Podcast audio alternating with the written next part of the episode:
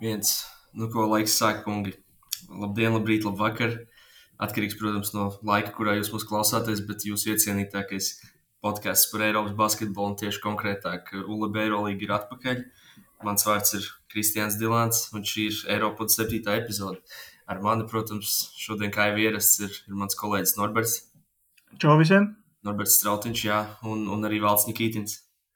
Sveiki, sveiki!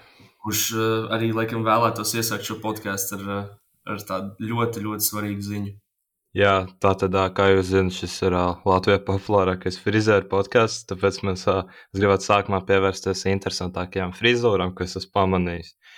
Tā tad pirmā, ko es vēlētos izcelt, ir Adriana Moirmana. Viņš tagad ir ataudzējis mātes nedaudz, kas man es biju viņa pieredzes redzēt uh, Barcelonā un Efesā ar tādiem īsākiem matiem, tā saucamo Schofield vai Vladimiru Kamešu.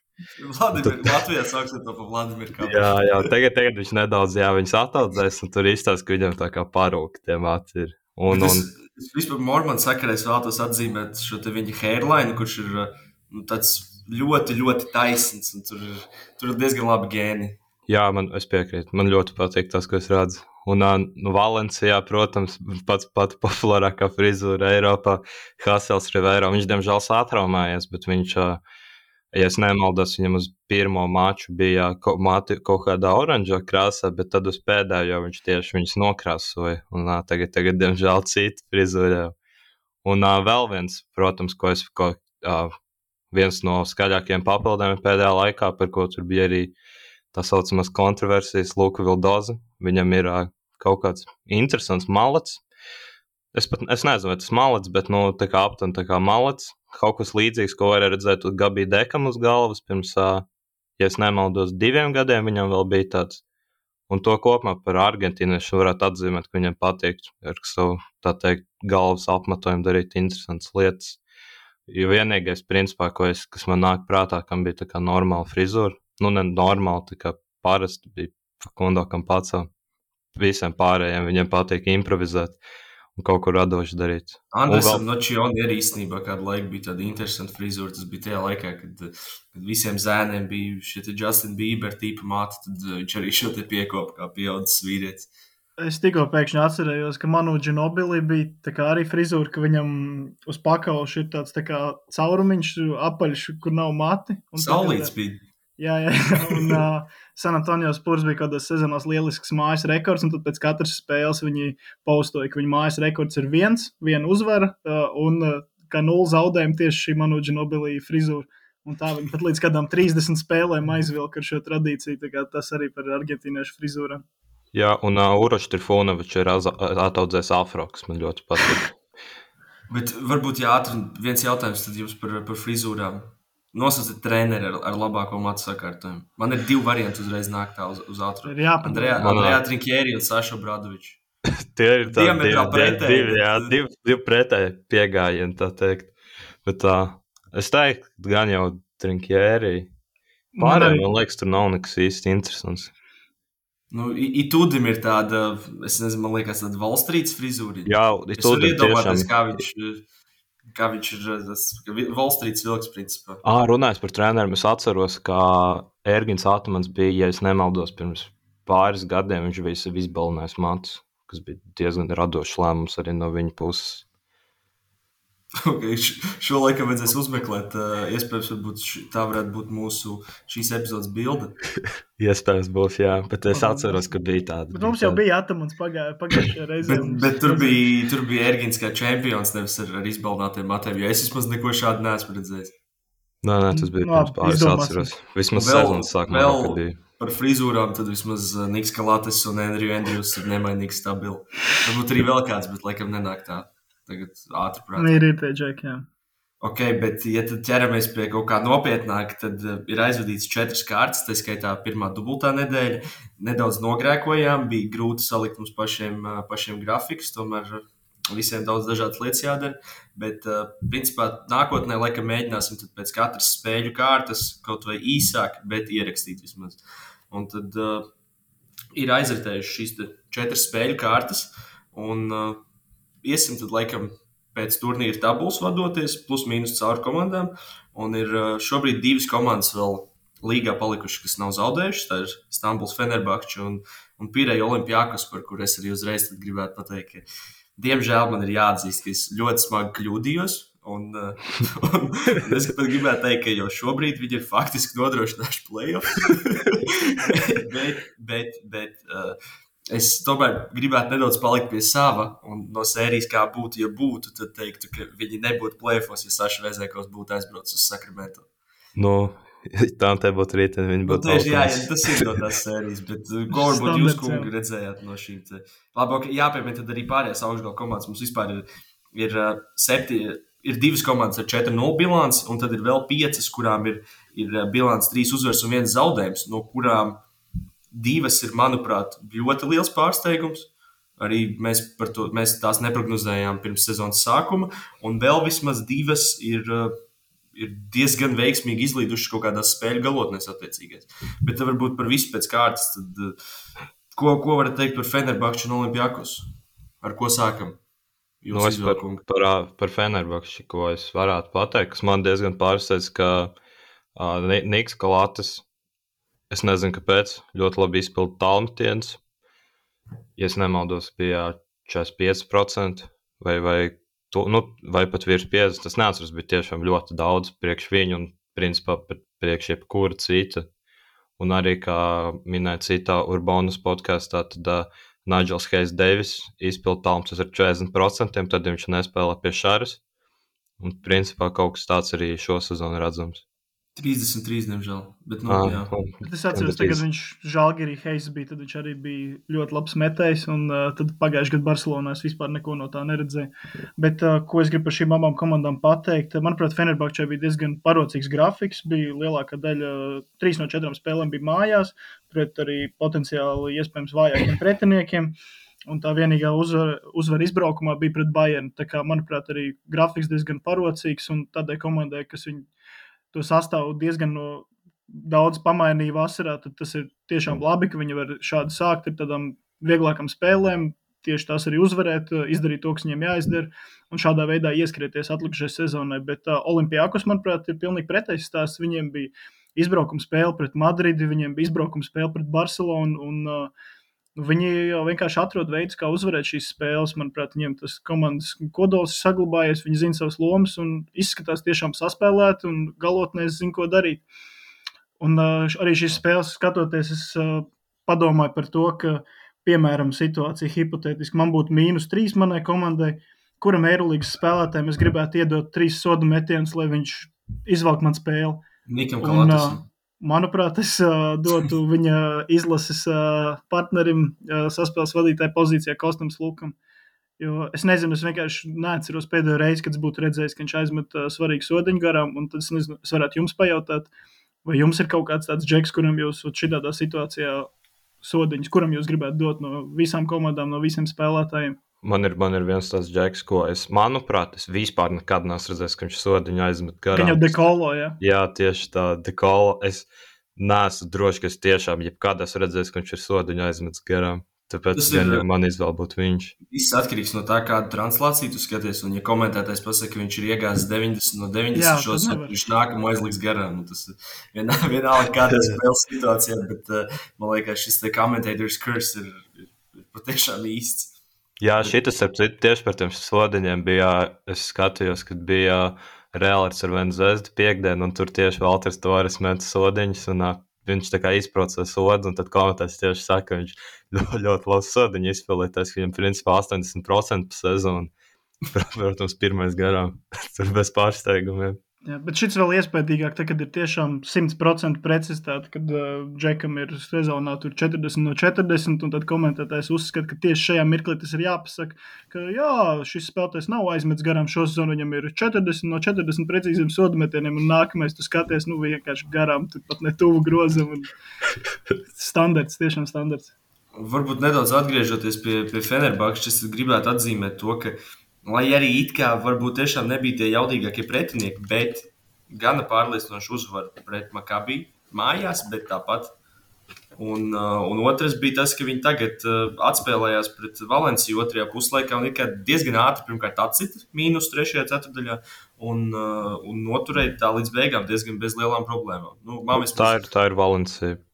Jā, bet. Viņi pirmo mēs... mēnesi arī nespēlē. Tieši tā, jā. Tā zinu. Par Valenciju tad tikai pēc pirmā mēneša runāsim, kā, kā Mumbrukungs teica. Tad, jā, jā varēs kaut ko pateikt. Jā. Jā.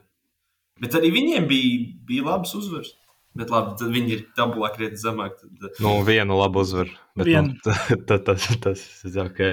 Bet par to Olimpijākas viens kungs, protams, kas jāatzīmē, ir uh, Sāša Vezenkovs, kurš iesaka savu MVP kampaņu. Tagad viņam vidēji ir uh, nedaudz, nedaudz zem 30 efektivitāte.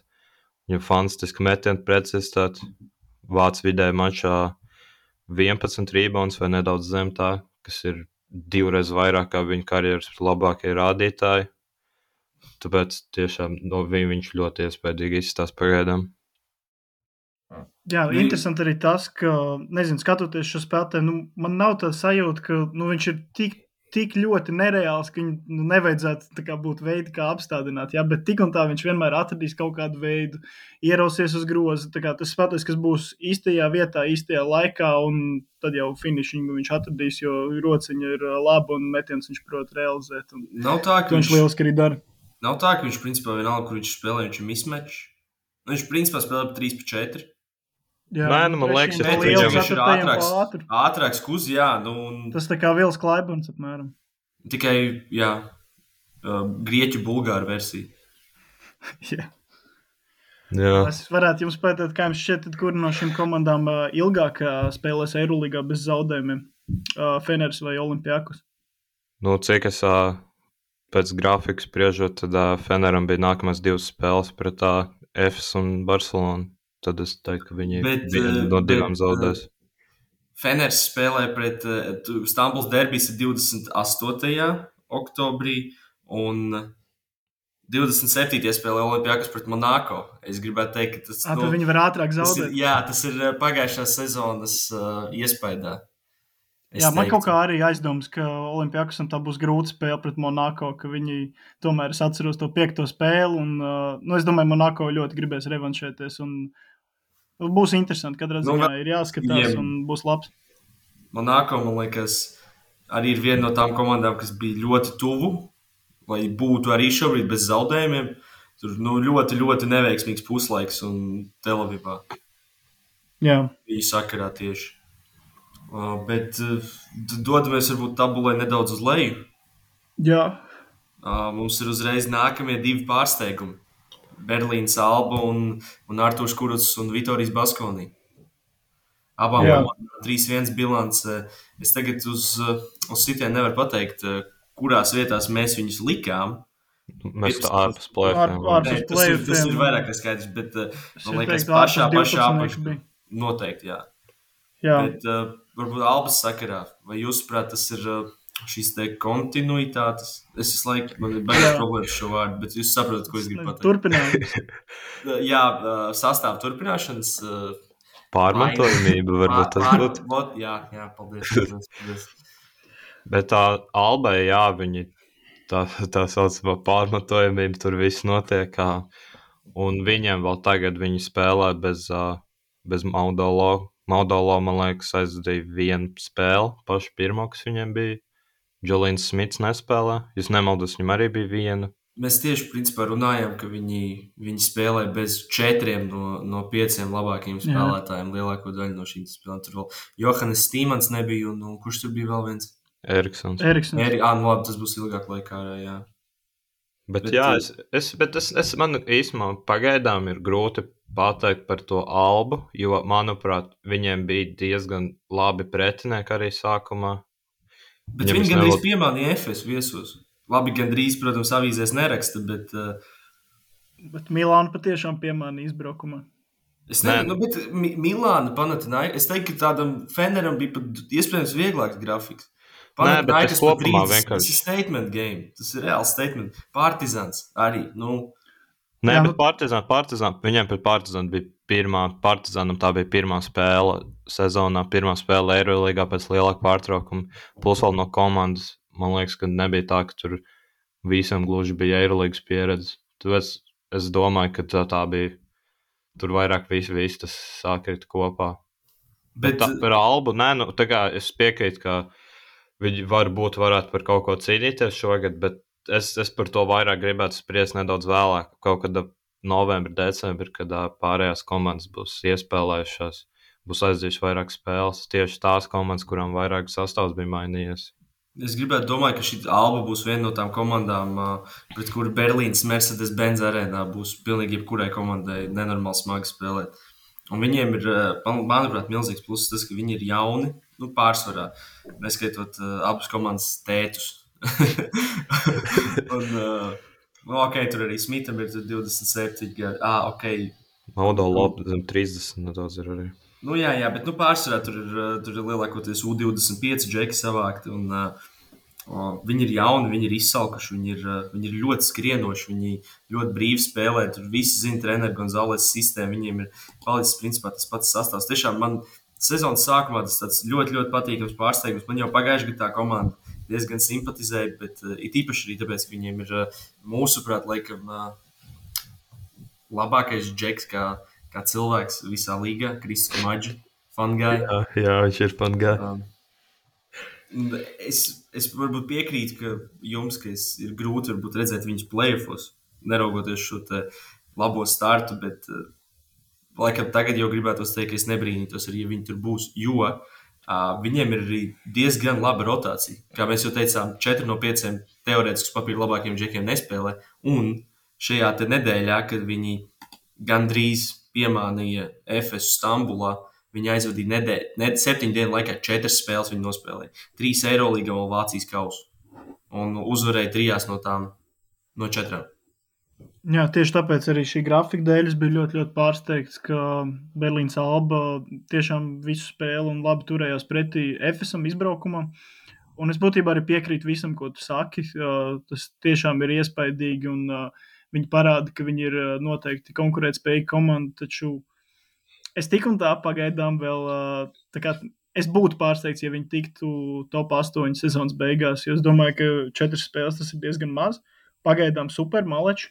Cerams, tā turpinās, jo tas būtu labs stāsts un tas būtu interesanti. Bet uh, es arī vairāk gribētu spriest, kad ir kaut kādas desmit spēles nospēlētas. Un, jā, taču man liekas, es arī skatījos, viņam nākamās spēles ar diezgan grafiks ir ok.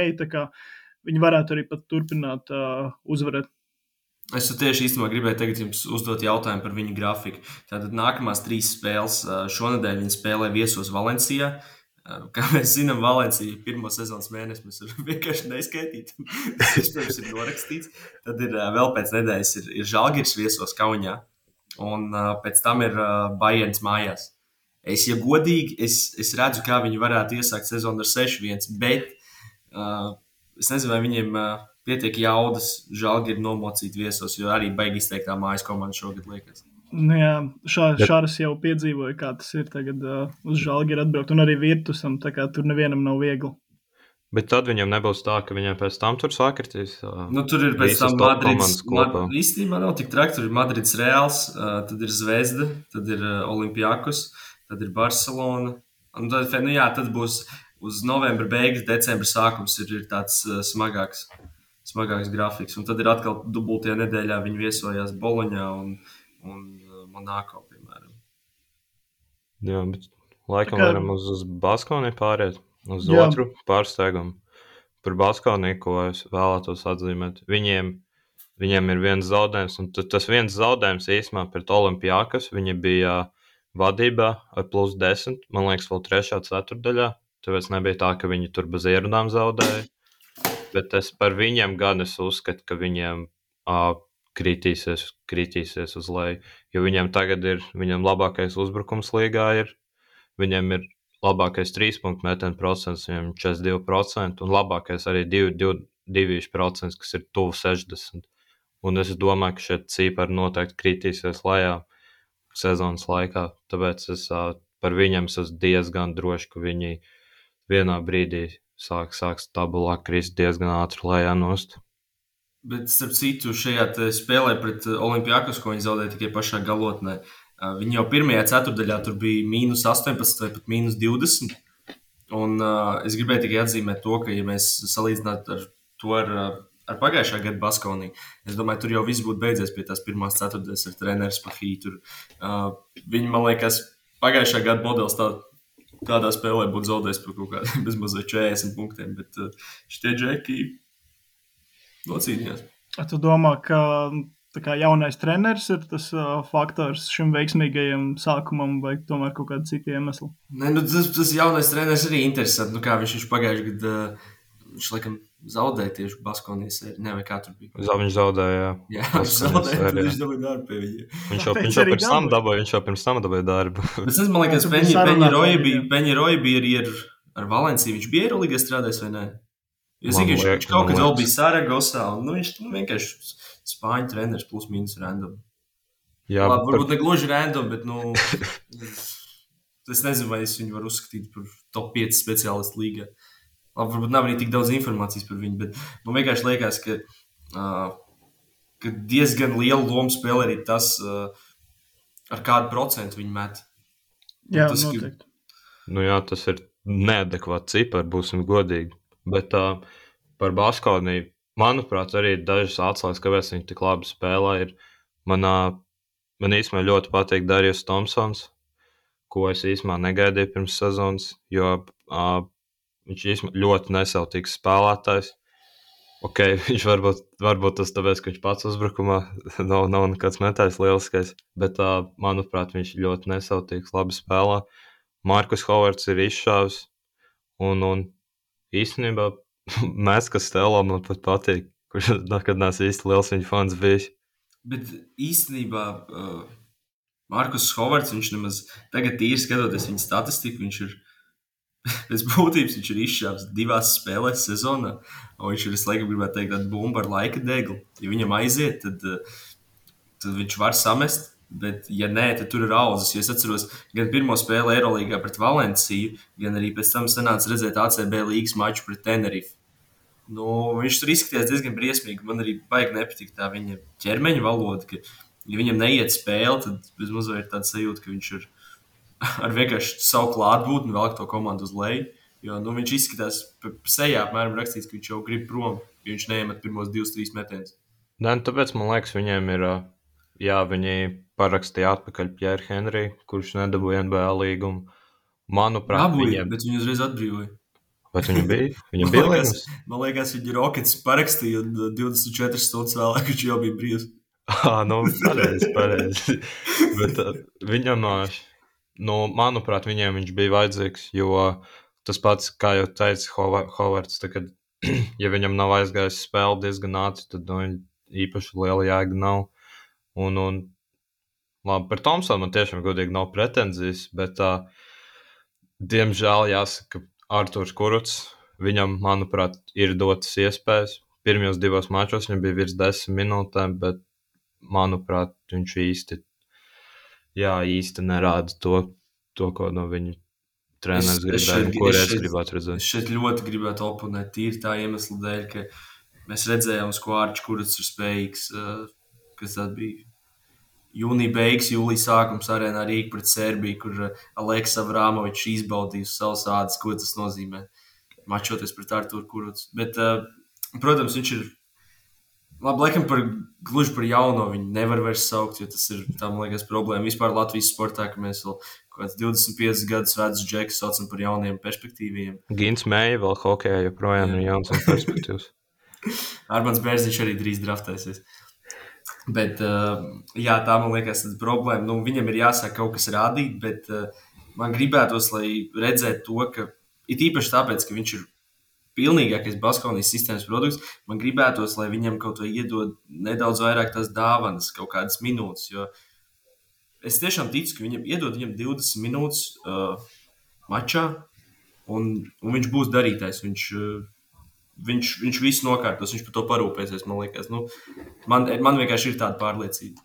Un tas, ka tās desmit minūtes, tas baigs saraustīt. Viņš jau viņas dabūja tur trīs reizes spēlē, pa, pa trīs ar pus minūtēm. Apmēram, nu, baigi nopietni tas nav. Jā, nu, varbūt, varbūt tas arī saistīts ar to, ka uh, Hovardam ir uh, labs sezonas sākums. Man varbūt liekas, es neesmu tur tik daudz pievērsis uzmanību viņa ķermeņa valodai un tam līdzīgi, bet uh, uh, Džeks. Uh, vidēji spēlē, met 4,5 trojkas iekšā ar 50%, viņš met 20 punktus, komandu uzvar. Un, tad, kad spēlētājs var tik labi un rezultīvi uzbrukt, tad Nav brīnums, ka varbūt viņam ir lielāks minūtes, citiem maziem spēlētājiem ir mazāks, un varbūt no tā arī Arthurs uh, mazliet cieši. Bet man prieks, ka viņš uh, pret Real Madrid ACB spēlē 11 punktus ir iemetis. Cerams, ka tas kaut kā aizvedīs viņu uz pozitīvas takas. Man viņš arī iepriekš arī spēlēja. Viņi spēlēja jau, jau Viņi ar uh, Hovardu kopā spēlēja arī. Jo tad, kad viņi ir abi kopā laukumā, tad Arthurs Kurts uh, saspēle vada. Un man liekas, tas īstenībā tas ir Baskovijai optimālais risinājums, tad, jo no Hovarda saspēlnieks tur nekāds lielais nav.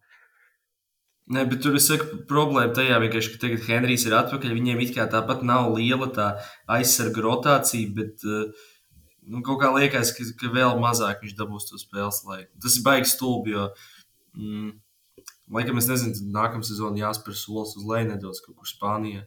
Viņš jau refā pirms trīs gadiem bija izcils. Nē, tā es piekrītu. Man kaut kā varbūt saka. liekas, ka. Ja viņam pēd, pēdējais līguma gads, man liekas. Jā, bet man var, var būt, es nezinu, tas saspēles vadītāja pozīcija nav īsti viņa Vēl īstenībā, labākais. Sva, di, divas svarīgas lietas, manuprāt, ko aizmirsām pieminēt. Uh, pirmā, tad, laikam, gribētu izcelt Maiku Kotsāru, kurš ir Eirolīgas uh, iespējams labākais rūkīs šogad. Nu, es par šito nu, labi, gribētu no, no Eiropas. No Eiropas jo, jo ir manuprāt, Koceram, ne, manuprāt, Koceram bija viena laba spēle. Tas arī principā viss. Bet vispār fakts kā tāds, ka viņam vidēji 12 punktu un efektivitāte 16. Kā... Jā, bet tie 12 punktu vidēji viņš savāca vienā spēlē jau. Es neatceros, cik viņam tur precīzi bija. Bet... Pret Olimpijākas 16 punktu vēl bija. Pēc tam pret, ah, okay. pret Zvezda 8, piemēram. Pret... Ok, pret Partizānu bija švaka spēle, bet, eh, bet kopumā es teiktu, ka viņš ļoti labi saprot no Baltiešiem, iespējams, no Rola Šmita cīnās. Par tā kā labāko? Es nezinu, tādu, nu, kurš vēl, ah, nu, Giedraits, ok. Nu, vēl. Labi. Nu, daudz, visādi lējuši arī tur tas pats brazdēķis un pārējie. Tā kā okay, jā, viņš daudz jā, normāls spēlētājs. Atkal kārtais, kārtais hot takes, nepārdomātais, bet nu labi, neko darīt. Un otra lieta, Andrzejs Pasažs bija, bija, bija izskanējis informācija, ka viņš varētu būt tuvu Baskonijai, bet uh, šāda informācija izskan, man liekas, jau ceturto sezonu pēc kārtas. Es nezinu, cik nopietni mēs varam to, to vērtēt. Uh, bet kamēr Stevens Inoks ir ārā, jūs, prāt, Andrzejs iedarētu šajā, šajā sastāvā? Nē. Man ir ļoti vienkārši. Man, man ir tiešām man ir diezgan spēcīgs viedoklis šajā jautājumā. Manuprāt, viņš, viņam arī tagad nav īsti nekāda vajadzība pēc viņa. Jo viņš savā būtībā ir principā tas pats, kas Kotsars, tikai, ja es nemaldos, gadu vecāks. Man liekas, ka kaut kas bija 96. 96. Man liekas, tas tagad tā ne, neatceros, bet man liekas, ka viņš bija 96. 96. Bet decembris pats, tā kā viņam vēl 25 gadi tikai. Nu jā, bet viņš, viņš ir, manuprāt, viņi ir ļoti līdzīgi. Vienkārši Kotsars bija nu, minimāli jaunāks. Viņi abi divi nav metēji, abi, nu, tā kā nevar īsti izstept laukumu. Abi divi met sodiņus katastrofāli Un tāpēc es īsti neredzu jēgu ņemt vēl vienu tādu pašu principā spēlētāju. Jā, nu, manuprāt, Baskonī ir diezgan daudz šie garie spēlētāji, un arī Inuks kaut kad, kad būs vesels, tad nāks vēl klāt. Es domāju, ka kaut kādam Asvelam varētu būt interesantāk, jo es tagad uh, lasīju, redzēju, ka, cik saprotu, uh, Džofrijs Lavēns ir uh, satraumējies. Man liekas, ka kaut kas ir krustiniskiem saitēm. Ir. Tā kā tur noteikti, manuprāt, šai komandai noderētu dažādi papildinājumi, bija tīpaši garajā galā. Bet kas par Andžēju interesanti, mēs tagad ierakstām šo pirmdienas rītā, un pirmdienas vakarā man šķiet, ka iznāk ūdens zeļa pirmā epizode. Tā varētu būt. Nu, viņš tur būs šodien. viesos jau šodien. Un uh, Andrzejs tur būs viesos, un uh, ah. Ūdenszeļa piedāvāja uzdot jautājumu uh, Andrzejam, un uh, es jau pacentos un jau uzdevu jautājumu, uh, kur Andrzejs uh, vēlētos spēlēt šo sezonu, un apmēram, nu, kāds ir mērķis, kur būtu. Kā es gaidīšu no viņiem atbildi šovakar, uh, cerams, saņemšu, un tad zināsim vairāk. Tev vajadzēja to no, no, no, mūsu, no mūsu Instagram pajautāt, lai viņi pamana mūsu podkāstu. Nu, varam, varam, varam pareklamēties, jā. Tā kā tā, bet uh, es domāju, ka mēs varētu arī pārēt pie pārējām komandām, kam ir uh, 3-1 bilants, kas ir uh, Milāna, uh, Makabi un Monako. Es domāju, mēs varam ar Milānu sākt. Par Milānu ko es gribētu pateikt, ka viņiem kopumā sezonas sākums ir ļoti vājš. Es teiktu, ka tas 3-1 ir vairāk vai mazāk. Uzvarētājs netiesā. Nu, netiesā, netiesā, netiesā, bet manuprāt, tas ir vairāk vai mazāk haļāvi, ka tāda bilants plus vēl viņiem bija arī pieredze. diezgan parocīgs grafiks. Kā viņi... ņem? Viens jautājums. Milāna nav gadījumā vecākā komanda līgā, tad man vispār nav jautājumu. Pieredze, jā. Tā ir reāla pieredze. Viņi arī Nu, jāsēž. kāda pieredze, ja kāda pieredze par četras- ko mēs runājam? Četras- pret Asvelu knapi, knapi uzvarēja pret Asvelu. Tur Jusufa Falks šogad ārdās. Bet, eh, bet Nu, tur. ja viņš Sulfurs ir labākais spēlētājs, es domāju, ka tur nevajadzētu būt ko- milzīgam. tas ir tas pats, principā, ko teicu par Partizānu. Tā bija sezonas pirmā spēle. Es saku, man ir, eh, es jau jums minēju šo te atbildi, manuprāt, uz Milānas problēmām. Uh, tur puskomanda bija vai nu kaut kādā Eirobasketā, vai cīnījās ar kaut kādiem okupantu klubiem par, par brīvlaišanām, un, vai kaut kāda puse vēl traumēta. tur Es, ja godīgi, joprojām domāju, ka viņi iespējams šobrīd pat nav uh, aizvadījuši nevienu treniņu pilnā sastāvā, jo tikko atkal izkrita Shields. Uh, Nazarets Mitru Longs izkrita jau superkausā. Uh, kas tur, kas, nu, tur vēl bija pusi traumēta. Da Tome vēl nav. Ah, un tagad viņi vēl meklē uh, aizstājēju Šilcam, tā kā tur gan jau būs kaut kādas sastāvā izmaiņas. Uh, šī komanda, es domāju, uh, varbūt jāsalīdzina ar Valenciju. Arī varbūt nevērtējam viņus pēc, pēc pirmā mēneša. Nē, nē, man negribas tā kā izdarīt tālajošas sestams. Vienkārši saka, pagaidām, manuprāt, Vilants 3-1 īsti neraksturo to, kā viņi spēlē. Ne, Jo protams, to bija es sezonas piekrītu. pirmā spēle, bija pret Asvelu, kur viņi galot. Man liekas, es neatceros, vai bija overtime. Man liekas, ka bija overtime. Tur ir uh, pašā galotnē vienkārši uzvarēja. Viņi tur kaut kādā divas trojkas, man liekas, iemet. Jā, Jā, Bilijs Barons tieši iemet, uh, ja ne kaut kāda tā kā go ahead bucket vai kaut ko tādu. Katrā ziņā knapi izlīd, bet uh, Nikolo Melī, manuprāt, ir labi iesācis sezonu, tā kā turpina Eiropas čempionu iesākt to, tas ir pozitīvi. Un es arī jā, piekrītu Kristiānam, ka, manuprāt, šī komanda, ka viņiem ir, tā kā tas sezonas sākums nav tas labākais, uh, nav pārliecinošākais, uzvaru skaits ir ok, taču tam varētu teikt, ir objektīvi iemesli un kad laiks ies uz priekšu, teiksim, tā, viņi vairāk saspēlēsies, izvesaļosies, spēlēs kopā, pieradīs pie visa, un tik un tā būs bīstama komanda kaut kur Eirolandes augšgalā. Nē, nē, tas, tas jau skaidrs, ka viņi būs vienkārši. Es tīri par to, ko es tagad redzu. Es saku, ka viņi tagad vienkārši nav labi. Manuprāt, Es atradu vienu džeku, kurš ir sezonu iesācis ļoti fantastiski vidēji mačā spēlēt gandrīz 30 minūtes.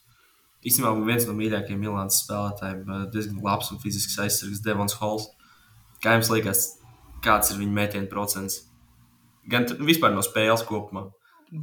Ja Es jau teiktu- teiktu, fantastiski. field goals 30. Tas būtu mans minējums. Es teikšu 75.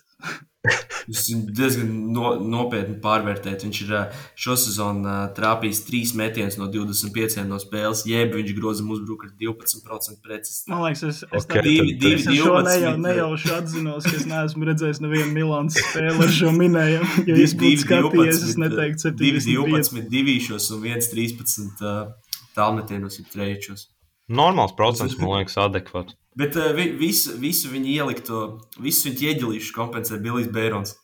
Jā, sācis Bēronam fantastisks. Ar 67% met no distances. Arī, protams, tas sample size ir maziņš. Viņš, nu, kā jau mēs zinām, procents kritīsies uz leju, bet uh, sezonas sākumā lieliski.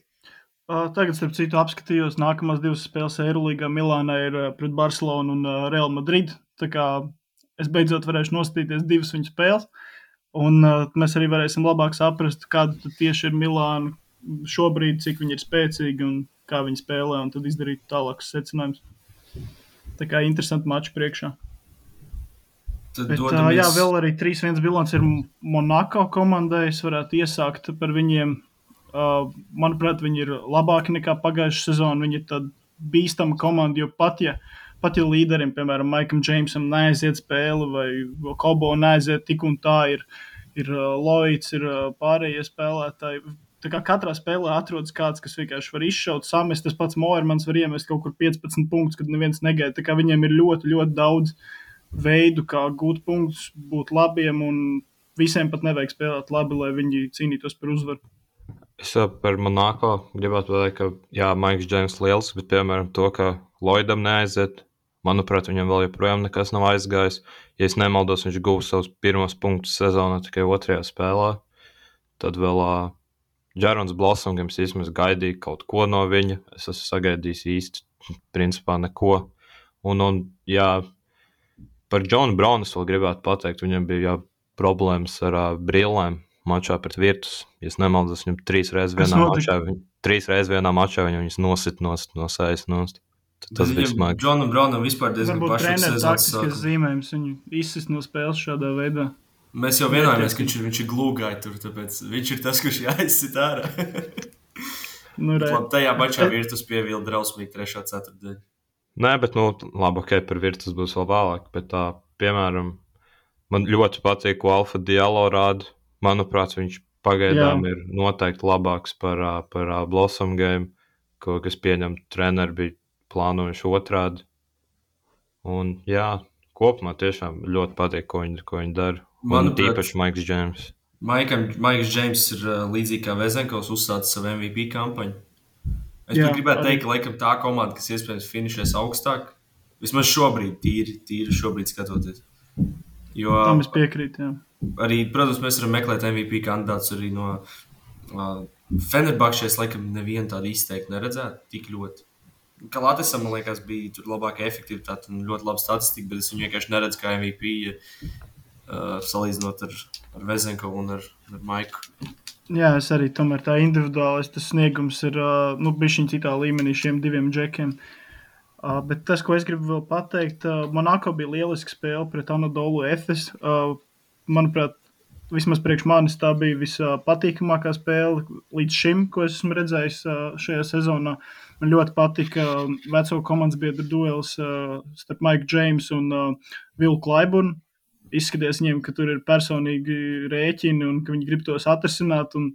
Pat ja tas līdz galam nav loģiski, viņi sedz viens otru. Arī Maiks Džeims lielu daļu spēles tieši sedz Vilku Klaiburnu. Un otrādi, un uh, Vils Klaiburns arī bija pielips Maikam Džeimsam. Viņš stāv stūrī, Klaiburns pat neskatās, kas notiek laukumā. Viņš vienkārši sejas sejā stāv viņam pilnīgi blakām. Un, uh, Un tik un tā abi spēlētāji nospēlēja beigās labu spēli. Uh, Maiks Džeims beigās galotnē kaut kādus sarežģītos metienus iemet un dabūja uzvaru, bet bija tiešām tik ļoti, ļoti interesanti skatīties. Un es vēlētos kaut būt līdzīgi kā NBA, ka dažreiz tie mikrofoni tiek pielikti klāt spēlētājiem. Es vēlētos kaut kas dzirdēt, kaut kādas tās viņu sarunas savstarpējās, jo tādas arī bija. Nu, tur tiešām man bija ļoti interesanti skatīties. Uh, labas uzbrukuma komandas, abas divas. Un tiešām šis duels bija tas, kas man visvairāk šo maču, kas man visvairāk ir palicis atmiņā šo sezonu. Starp citu, par, par šiem mikrofoniem runājot, vai jums nešķiet, ka Eirolandā ir vienkārši pārāk fiziski, lai kaut ko tādu uh, atļautos? Tas pats basketbols ir vienkārši pārāk fizisks. Pārāk daudz kontaktu, miljonus skrīnu katrā uzbrukumā, vēl kaut kas. Nu, ka, uh, ka tas vienkārši kādam tas mikrofons kaut kur izkrist. Es nezinu, viņš tur kompresoros jāiebūvē vai, vai kā. Ļoti iespējams. Bet tas skatītājiem jau vēl LBL to varēja realizēt. Es domāju, Eirolandā arī var. LPL bija spēles skaņas. Nu, tur bija tiesa. Nē, okay, tiesnešiem. Tiesnesim, tiesnesim, jo konteksts. Tiesnesim, jā. Plecus. Nu kā, nu vienmēr var būt konteksts arī ar tiesnesi, nevar zināt. Jā, ir jau dažādas epizodes, ir, kad Pols Pīrs iemet 2 plus 1 kaut kādas šādas epizodes, es atceros. Nezinu, vai jūs zinat tieši, bet uh, būtībā tiesnesim arī ir jāuzmanās no bīstamiem kontaktiem spēles laikā. Es atceros, ka Kārlis Būzers atzīmē. Arī, jā, jā, jā. jā. tā, tā, tāds epizodes. Jā, jā, tā, tā, tā bija fantastiski. Bet es pieņemu, mēs varam arī par, par pēdējo komandu ar 3-1 bilanci Televijas Makabī vēl parunāt. Es varu ātri atgriezties pie, pie Monako un principā pie pagājušās sezonas. Kā mēs Jā. tagad zinām, tad Dveins Beikons ir nesekmīgi centies atgriezties NBA, viņš ir atpakaļ Eirolandā un viņš spēlēs Panathinaikosā. Un tad, kad viņš tur vispār, ok, mēs pie Panathinaikos vēl pieskarsimies, bet par cik tā lieta, ko es vairāk gribētu uzsvērt, ir Monako sakarā. Tad uh, neliels tāds backstory. Uh, apmēram 3-4 dienas pirms, uh, pirms viņš pievienojās Panathinaikosam, uh, Atēnu kluba galvenajam trenerim Dienam Radoņičam. Uh, preses konferencē prasīja par viņa statusu. Tur laikam bija jau kaut kādas baumas parādījušās. Viņš teica, ka, ka viņi meklē ceturto numuru, ka viņš viņiem īsti nav vajadzīgs, un ka viņš varbūt arī daļai nesaprot, kā viņš vēl ir brīvais aģents, bet nu, ka, ka principā viņi šādu džeku nemeklē. Uh, Beigās viņi viņu paraksta, kas jau ir interesanti.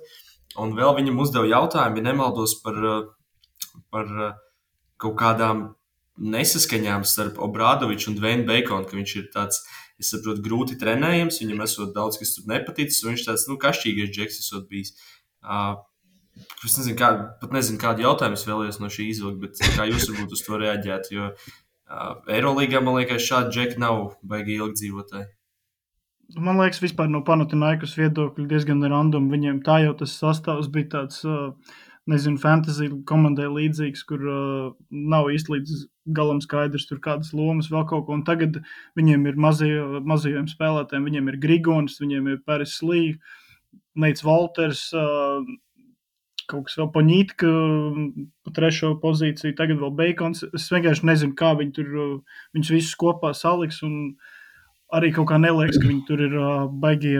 Teiksim tā, ka šie spēlētāji vairāk paši grib uzbrukt nekā piespēlēt. Vismaz man tā liekas. Un tad, kad tev ir 4-5 spēlētāji, kas kā, ir vairāk tendēti uz punktu gūšanu, man tas liekas diezgan dīvaini. Es tiešām nezinu, kā tas strādās. Un, jā, drīzāk Panathinaikos varētu kaut ko garajā galā meklēt. Bet tieši par to Dvainu Bekonu un Brādoviču kon konfliktu, to, ka Kristiāna teica, ka tāda spēlētāja ilgi nav, nav ilgi dzīvot Eirolandā, es gribētu atzīmēt Maiku Džeimsu, kuram ir bijis bijis, ja nemaldos, viņam bija CSK, Milānā, Panatā. Kaut kur vēl viņam bija. Bet es, es arī teiktu, ka tas, ko Norberts saka, viņš ir cits līmenis. Vienkārši. Nu, tā kā MVP kalibra spēlētājs. Jā, Dvains Beikons, es nezinu. Nu. Nē, nu viņš uzbrukumā labs. tas, tas laikam okay, viss. Jā. Um, šis te, es gribēju pajautāt, uh, kamēr mēs neesam vēl pie um, Makabī par uh, NBA spēlētājiem, kas no Eirolandes mēģina tur tikt un netiek. Kāda ir situācija ar uh, Tyler Dorsey un Dallas Maverickiem? Viņu, viņu atlaid, man liekas. Un kur viņš tagad, vai viņš būs kaut kur Eirolandā? Nē, vai Mīkonas Mīkonas salā atpūšas šobrīd. Ah, nu pareizi, pareizi. no, tur bija. Es, uh, Man vienkārši visu laiku es, es to virtus redzu visur, tāpēc man uh, es redzēju, ka, šī, ka, ka viņi it kā mēģināšu to nu, virtus jau, jau vasarā. Virtus interesēs par visu, jā, jā es pieņemu, es pieņemu, ka viņi arī Luku mēģināja vasarā dabūt un ko tik vēl ne. Viņam, viņam, viņam tas principā galvenais komandas hobijs interesēties par spēlētājiem. Bet, okay, atkal ļoti, nu, es nesaistītu, bet vienkārši jāpiemina šis te par virtus, ko, ko es sapratu, tad šis te uh, ģenerālmenedžers principā ir. Uh, pilnībā pakļauts īpašniekam. Es aizmirsu, kā viņa sauc. Man liekas, bija kaut kāds zanetīkums vai kaut kas tamlīdzīgs. Viņš tāds eh, arī ir Nika Latvijas tipa frizūriņš. Un uh, viņš esot tāds uh, līdzīgi tā kā. Ja jūs zināt šo stāstu, kad, uh, kad NBA bija tas lokāls pirms cik tur gadiem, un, un bija vēl ASK Rīga eksistēja, un Valērijam Karginam, kurš bija tā brīža īpašnieks prezidents, viņam izšāva ideja, ka, ka varētu Kobe Bryantu parakstīt. Un viņš teica, jā, vai Nu, apmēram tā, tā sapratne par basketbolu tik liela, ka nu, viņš vienkārši nesaprot vispār, ko viņš var atļauties un ko viņš nevar. Un tad eh, šim te saukšu viņu par zanetīkumu, bet man liekas, bija bijis savādāks uzvārds. Tad uh, viņam ir, uh, es sapratu tā, ka vismaz viņam tā izpratne līdzīga ir un ka viņš arī, principā, pilnīgi jebkuru ir gatavs parakstīt, ko viņam nosauc. Un kāds, kāds tā kā kredibles cilvēks ar lielāku kredibilitāti pasaka, ka tas komandai derētu. Tad gan jau mēs varam beidzot tas arī pārēt. Jā, jā. Arī fantasy tipu komandas. Jā. jā, man. Bet no. uh, es teiktu, ka mazliet veiksmīgāks stāsts vismaz pagaidām. Ok, grafiks bija pateicīgs, jo bija mājās pret Žalgiru un Asvelu jāspēlē, kur divi panākumi tika izcīnīti. Bet uh, pagaidām, manuprāt, ir normāli. Viņi sadala bumbu, Lorenzo Browns kontrolē situāciju un Baldvins nezinu, nospēlē viens pret viens mirkļos, kad Lorenzo atpūšas, kaut kādi garie spēlētāji, atletiski labi finišē. Tā kā tāda amerikāņu tipa basketbola, bet diezgan normāli. Es teiktu, ka ap to playoff robežu ap astoto viņi kaut kur tur arī cīnīsies. Varbūt iekšā, varbūt ārā playoffos, bet uh, nu, ir normāli, manuprāt. Es gribētu teikt, ka pilnīgi neviena spēle viņiem nav bijusi, manuprāt, laba. Pret žāli kā es jums jau teicu, atkal no sērijas ir tantē būt rītiņi, bet, ja basketbols ilgtu 40 minūtes un vienu desmitdaļu, viņi būtu zaudējuši žālgirim. Butkevičs iemet ļoti interesantu metienu uz, uz uzvaru.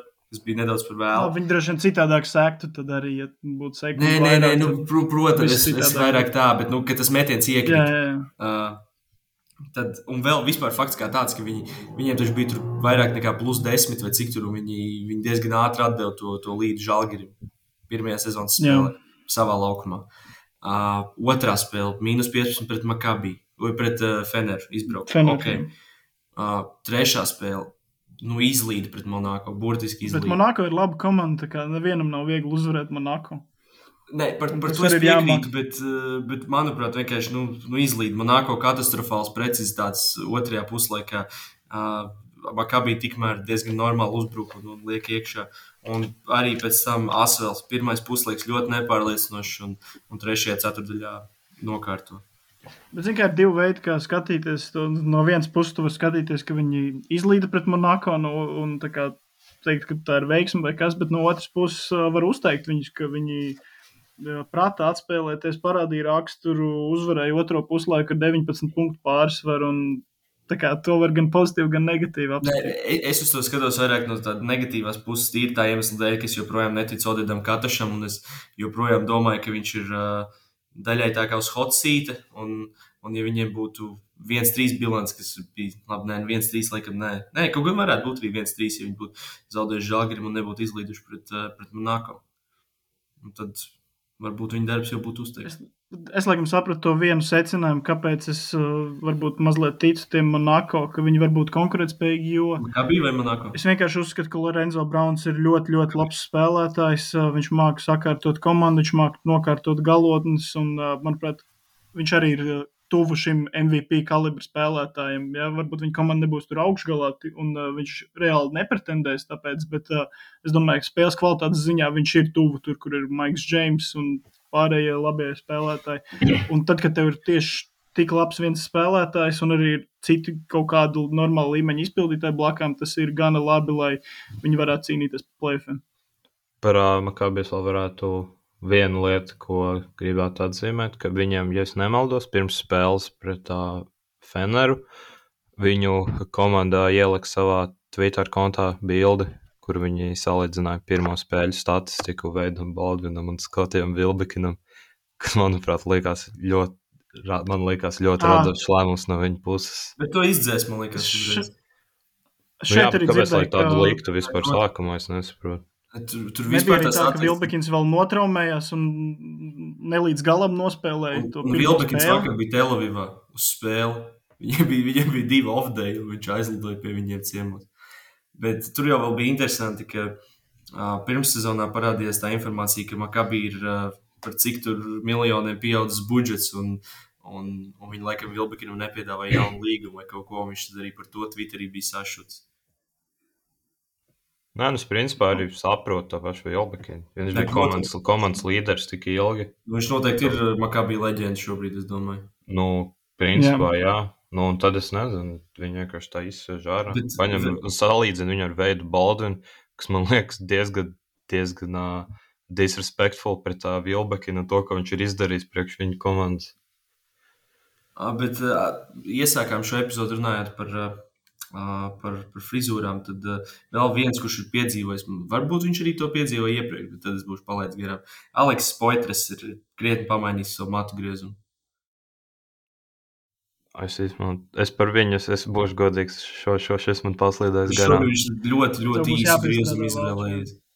Jā. Uz nākamajām reizēm. Jā, kā tu būsi mūsu frizūra eksperts. Darbiņš jāmīl. Bet, uh, Romāns Sorkins ir labi iesācis sezonu. Arī uh, fantasy sakarā man liekas, labs, labs, labs piks, labi izvēle.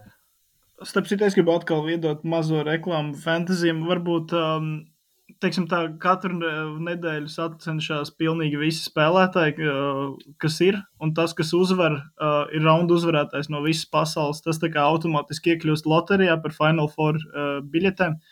Un apmaksāt lidojumu, cik es saprotu, no kuriem, lai vien nav, kurienes tu būtu. Tā kā ir laikam cik 34 kārtas, tās ir 34 iespējas mēģināt vismaz vienu nedēļu saņemties un būt labākais pasaulē, un nokļūt loterijā un tikt uz Final Four. Un, Bet- tāpēc es iesaku visiem nepadoties, arī ja kopvērtējumā neiet. Un, es centīšos uzvarēt kādu no nedēļām, taču pagaidām man neizdodas. Pataupies labāk nākamajai sezonai. Šogad nav izdevīgi. Tāpēc, ka Final Four būs Kaunijā. un Tad es domāju, ka tāpat lidojumu neapmaksās. Tev nopirks labākie gadījumā autobusu biļeti. Kaut kur trijos naktī. Jā. Vai arī varbūt, uh, es nezinu, laikam uz Viņu var aizlidot. Un tad no viņas uz Nu, ar redz. autobusu. Bet tas Redzēsim. Man liekas, man liekas tāpat sanāk lētāk ar autobusu braukt. No Rīgas nu, jau bet uz, uz ir Kaunu. Eirolandā apmaksās, saprot. Nu, autobusu atmaksās tev, nu, Nu, ko, jā. ko vēl. Nu, Nu, nu, redzēsim. Bet, manuprāt, šis ir arī labs veids, kā tagad uh, pāriet uz nākamajām komandām. Jo nākamās četras komandas ar 2-2 bilanci ir. Būtu ļoti skaisti, ja šīs četras komandas arī spēlētu Final Four. Un 2-2 uh, bilanci ir Anadolu FS, Real Madrid, Barcelonai un Žalgirim. Vai jūs gribētu šādu Final Four redzēt? Es Ja noteikti kaunijā, Nu, man pietrūkst tur dažas komandas, bet kauj, tieši zinot, ja kaunijā būtu, manuprāt, tas būtu kaut kas iespējams. Nu, es piekrītu, ja, ja notiek kaunijā, tad notiek, ja notiek jebkur citur, tad īsti nē. Jo es īsti nezinu, kā žēlgājums varētu pārējiem trīs līdz galam sastādīt konkurenci. Bet gan jau mēs varam ar RFS sākt, ne? Mums par žēlgiri jau sākām. Es domāju, varam turpināt. par žēlgājums tad, jā. Varam turpināt. Man ir uzreiz, es negribu to saukt par hot take, bet uh, vienkārši, manuprāt, šobrīd jau plus mīnus visiem saprotams fakts, ka Rolands Šmits noslēgs savu karjeru. Viņš būs visu laiku labākais latviečs, kurš ir spēlējis Eirolandā. Nu, tas ir hoteiks, jo Jānis Strelnieks vēl. Kāda bija rekords? Jānis Strelnieks, es domāju, Nu, vairs jā, jā, Eirolandā nespēlēs. Jānis. Strēlniekam arī. Es nezinu, Jānis Strelnieks. Kur Jānis Tīms spēlē, starp citu? Jānis Tīm nav veids. Nezinu, Jānis viņš Tīm kaut ko Amerikā cīnās vai ko. Viņš viņš pagalmā kaut kur spēlē. Tas nezinu. Nu, Viņš par la, la, labi laika, bet uh, Nu, nē, bet Jā, uh, Rolim droši vien Šmitam jau Šmits. šitā sezona ir? jā, tu- Piekta, Ceturtā. nu, iespējams, jā. Bet tad par ir Viņš pāris ir lietas. ko es- strēlnieks, jā. Jā, starp citu par strēlnieku viņam labs sezonas sākums Atēnoja, vismaz Čempionu līgā. Jā, un Bet- tad uh, aizvadīt. Jā, arī skatījos, tas priecē. Kas sestdien vai svētdien viņiem spēle pirmajā ceturdaļā. Pirmā ceturtdaļas beigās uz kaut kādu brīdi tika apturēta, jo viņi spēlēja nemaldos pret uh, uh, Spanulas trenē peristeriju vai Jā, pirms arī bija. Jā, bija pirms laikam pret peristeriju, jā, tad uh, Aik un peristeriju fani izdomāja pavicināt dūris tribīnēs. Tas normāli. Beigās. un tad nācās līdzīgi kā Adrijas līgas finālos visu zāli iztukšot. Bet jā, par to pašu pāris lietas, ko es gribētu pateikt, ka man īsti viņa nepatīk līdz galam. Es nezinu, tas ir hoteiks, bet manuprāt, no tiem lietuviešiem, kas spēlē žēlgārī, vienīgais, kurš varētu atrast darbu, jebkur citur izņemot žēlgārī, ir Lukas Lakāvičs. Jo es. Beidz arī. Nu, ok, dēļas, jā, bet es viņš tās lietuvietas aptuveni, es pieļauju, viņš lietuviski runā tikpat daudz, cik es. Nē, nē, runā, runā kaut ko. Viņu Nu, es arī varu pateikt, aču, labas, gerājas, arī es arī runāju lietuviski, principā. Labais, labais. Jā, protams, krepšiņas. Bet, nu, vienkārši par piemēram, par Edgars Lānu es gribētu pateikt. Vai, iekāpt taksiju, pateikt, Žalgīrijā arēnā. Jā, to es arī varu. Tu varētu Bet- bet, mikrofonā tur bļaustīties kaunijā. Es dzirdēju, kā tur kliedz džeks, tur ir, man liekas, viņš ir entuziastiskākais tā kā mikrofonā runātājs visā Eirolīgā. Efesā ir arī nereāli agresīvs. jā. Viņš Jūs esat redzējuši to Jā, džeku, kurš dejo vēl? Tas arī ir labi. nē, šī tas arī labs. Bet par to žēl ir tā, tad, ko, ko, es, ko es uzskatu par tiem lietuviešiem. Piemēram, Karols Lukašuns, manuprāt, viņam ne, pat Neirolīgā nav jāspēlē. Es nezinu, viņam LKL ir jāspēlē. Tad pēc tam, kas tur vēl bija, Tomas Dīmšs, es, es, es, es, nezinu, es nezinu, ko viņš tur dara. Laurinas Birotis arī ir tāds nekāds īsti jēga, nekāda. Bet man personīgi, man vislielākās pretenzijas ir pret Edgars Lānovu. Jo es vienkārši uzskatu, Kapteinis. Nu, ok, kapteinis Foršs, bet uh, viņš ir, manuprāt, aizvadījis vienu labu sezonu Eirolandā. Ja nemaldos, tā bija tā, kur viņš bija Final Fourers. Viņš pēc tam, kad viņš aizgāja prom uz Feneru, viņš tur bija pilnībā nekāds. Viņš atnāca atpakaļ. Pagājušajā gadā viņš bija atkal nekāds. Un tad tagad es nezinu, kāpēc, bet viņš spēlē ļoti daudz ar bumbu. Un es to vienkārši nevaru saslēgt, kāpēc. Jo vienkārši, manuprāt, viņš nav, nav īpaši labs basketbolists. Viņš nav, viņš nav metējis. Manuprāt, Žalgiris uzbrukumam Edgars Lānovu aizsau topā. Tas nav vispār labākais risinājums, ko, ko tu vari izvēlēties uzbrukumā. Un plus vēl Kavārijas Heijs. Man viņš patika pirmajā spēlē pret Makabī, bet, piemēram, kad es redzēju pret Barcelonu, viņš burtiski noķer principā katru trešo bumbu, ko viņam met. Jo visas pārējās viņa pamanās kaut kādā veidā izslīdēt, un viņš nenoķer. Tā kā tas ir mans lielās pretenzijas par šo komandu. Uh, Kevārijas Heis bija pagājušajā gadā Bursasporā, vai ne? Jā, Īstenībā, laikam gribētos noreklamēt uh, šo buldogu brigādi, lai gan tur buldogu vairs nav īsti, bet uh, viņi ir sezonu sākuši ar četrām uzvarām uh, Turcijas čempionātā. Un uh, apspēlē arī FS tikko brīvdienās, un uh, Eiropas ir 2-0 bilants, un viņi ir arī īstenībā treneris Dušans Olimpievičs dara to pašu, ko viņš darīja pagājušajā gadā. Un, uh, un kas interesanti, viņi trešdien būs Rīgā. Tā kā aicinu Trešdien visus, Prometēs. Jā, visus, kam ir iespēja doties un, un izbaudīt pagājušās sezonas uh, finālisti. Jā, par, man liekas, Došanas Olimpievičs, es kaut ko redzēju. Viņam viņš arī sniedza labu interviju. Pagājušā sezonas tradīcija. Nē, man liekas, viņš nērē, bet viņš tur kaut ko interesantu teica. Es, man liekas, tas bija pēc Eiropas spēles, kur, man liekas, viņi Badalonu, nē, vai tā nebija Badalona. Viņa kaut, man liekas, tā, ne, tā bija Badalona, ko viņi uzvarēja. Viņš pēc tās spēles, viņam bija arī laba intervija. Ne tik laba kā Džonam Hollandam, bet, bet nu, viņš centās uz to pusi kaut ko. Tā ka kaut kas vēl varbūt par žāgu ir piebilstams. Nē, nu vienkārši pateikt, var pateikt, ka Viņi vienkārši pierāda mājās, ka viņi ir tiešām jaudīgi. Man arī ļoti gribās aizbraukt tur un izbaudīt to atmosfēru, piemēram, kā viņi pēc spēles um, ar skatītājiem kopā plaudē, uh, saplaukšķina uh, plaukstas reizē, skatītāji atkārto un tad ar vien ātrāk, ātrāk, ātrāk to dara. Un, kad Bet tas, es neteiktu, ka tas kaut kas... dara. Nu, ne, tas vienkārši izskatās forši, patīkami. Protams, un, tādā ziņā. Uh, es nezinu, vai citām komandām ir kaut kādi šādi. Tas, tas Viking klāps ir diezgan izplatīts kopumā.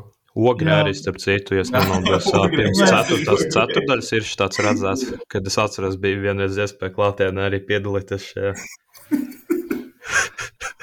Labi, bet uh, varam, domāju, pāriet pie abiem Spānijas grandiem, pie Barcelonas un uh, Madrids Reāla. Vēl, kas... sorry, sorry, sorry, sorry, vēl viena lieta, ko es īstenībā, ko mēs aizmirsām par ir pateikt. Uh, viņi ir līderi reboundos. Visā līgā. Viņi nenormāli, komanda. nenormāli fiziski komanda. Viņi drausmīgi sitās pēc bumbām. Uh, jā, Daudzām, es domāju, tādām uh, top komandām tad baigi nepatīkamie varētu būt. Jā, tagad uh, pieminējām arī Barcelonu. Viņi tikko spēlēja pret Žalgiru mājās. Uh, es arī vienkārši gribu iedot hipotētiski iedomājieties, ja tas būtu bijis Final Four pusfināls uh, Šāras Ebārs pret Žalgiru Kaunijā. Pusfinālis.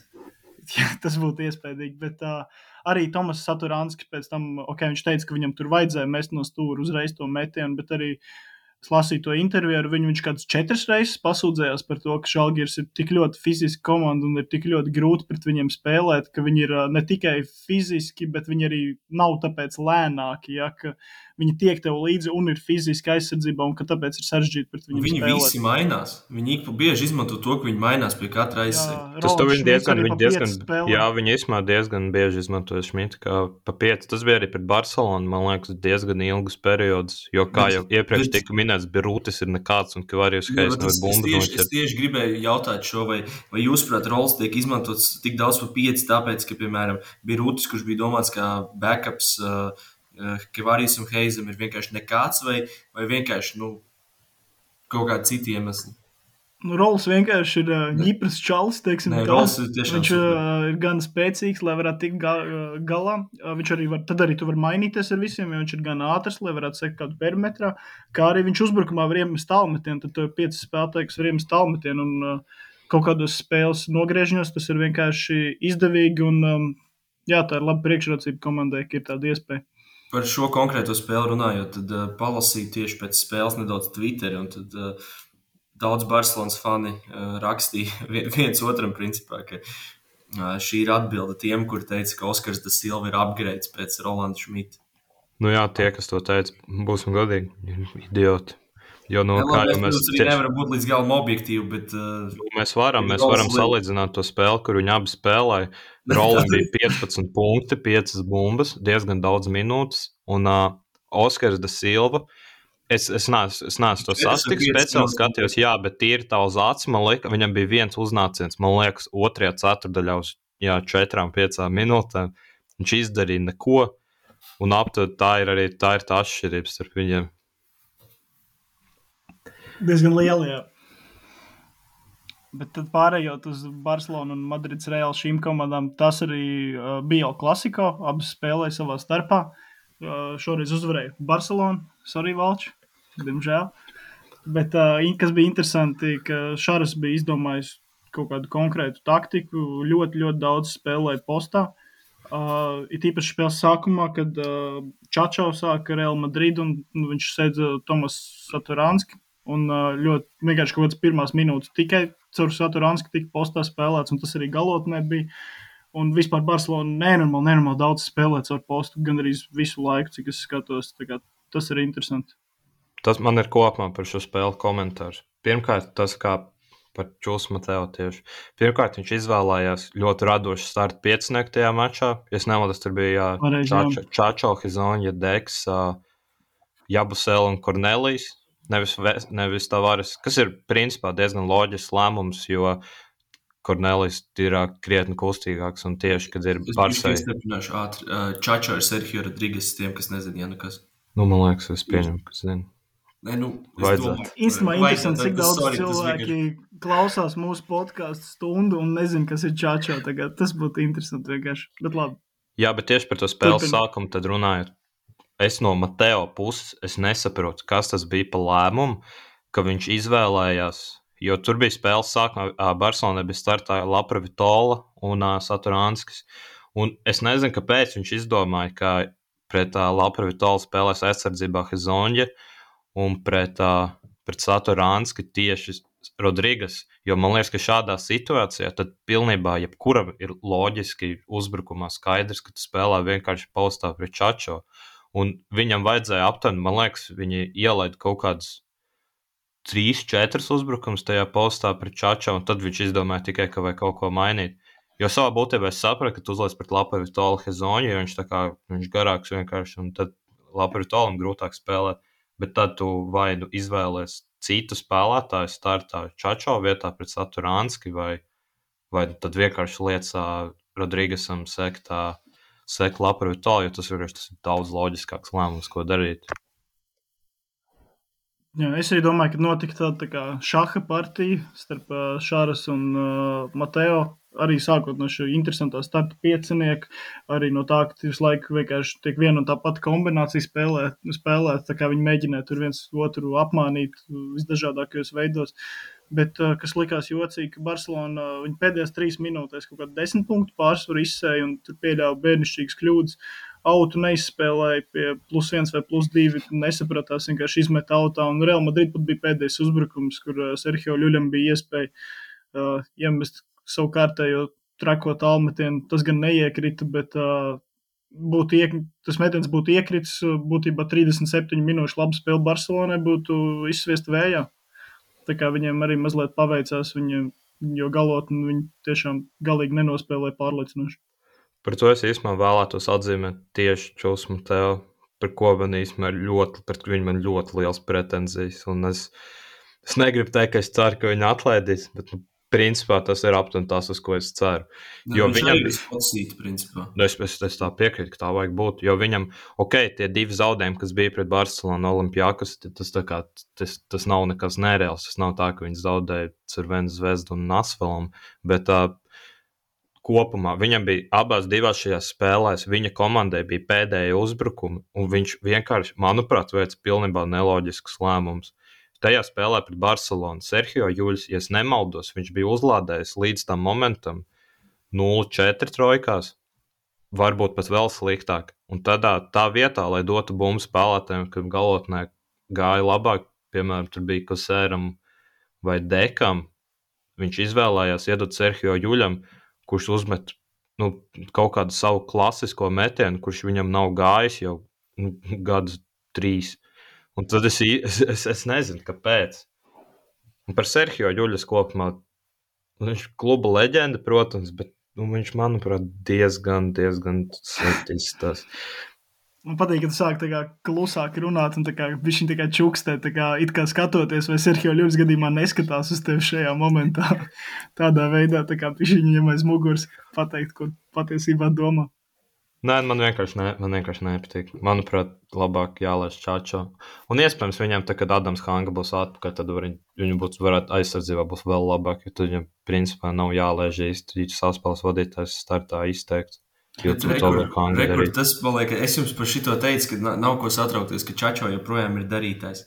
Nē, tas ir uzbrukumā, viņš tiešām jaudīgi. Nē, nu uzbrukumā, protams, uzbrukumā viņš aizsardzībā nekad, man liekas, nav bijis uh, superdūzs. Vēl viena lieta, ko es par Barcelonu gribēju atzīmēt, ir uh, tas, ka Rokas Jokubaits ir sezonu ļoti labi sācis īstenībā. Un Jā. Ļoti, Jā. es, viņam arī nav pēdējais gads. Vai viņam bija kaut kāds 2 Varētu plus 1 vai 2 plus 2 vai kaut kā tam līdzīga? Nav es domāju, viņš varētu drīzumā pārcelt uz lielu ābolu. Iespējams. Bet viņam arī, es teiktu, ka viņam vēl palīdzēja ļoti tas, kā Saturānskim diezgan bēdīgs bija sezonas sākums, tad viņš varēja labāk ieskrieties. Ir tīpaši viņam vēl bija diezgan slikts Eiropas čempionāts, manuprāt, un tad viņam viņš varēja labāk ieskrieties sezonas Ja, sākumā. mē- ja mēs tā modelējam, vai jūs spējat redzēt tāda tipa un kalibra spēlētāju kā Roku Jokubaita tik, ā, es teiktu, haotiska organizācija kā New York Snigs? Es laikam nē. Kaut kā dīvaini Nu, liekas. it kā viņiem pieder tiesības uz viņu, viņi ir draftējuši viņu, ja viņš nav aizmainīts šonakt vai kaut, kas, kaut ko citu, neesmu palaidis garām. Bet Man liekas, vienkārši liekas, ka tā varbūt nav īstā vieta viņam NBA.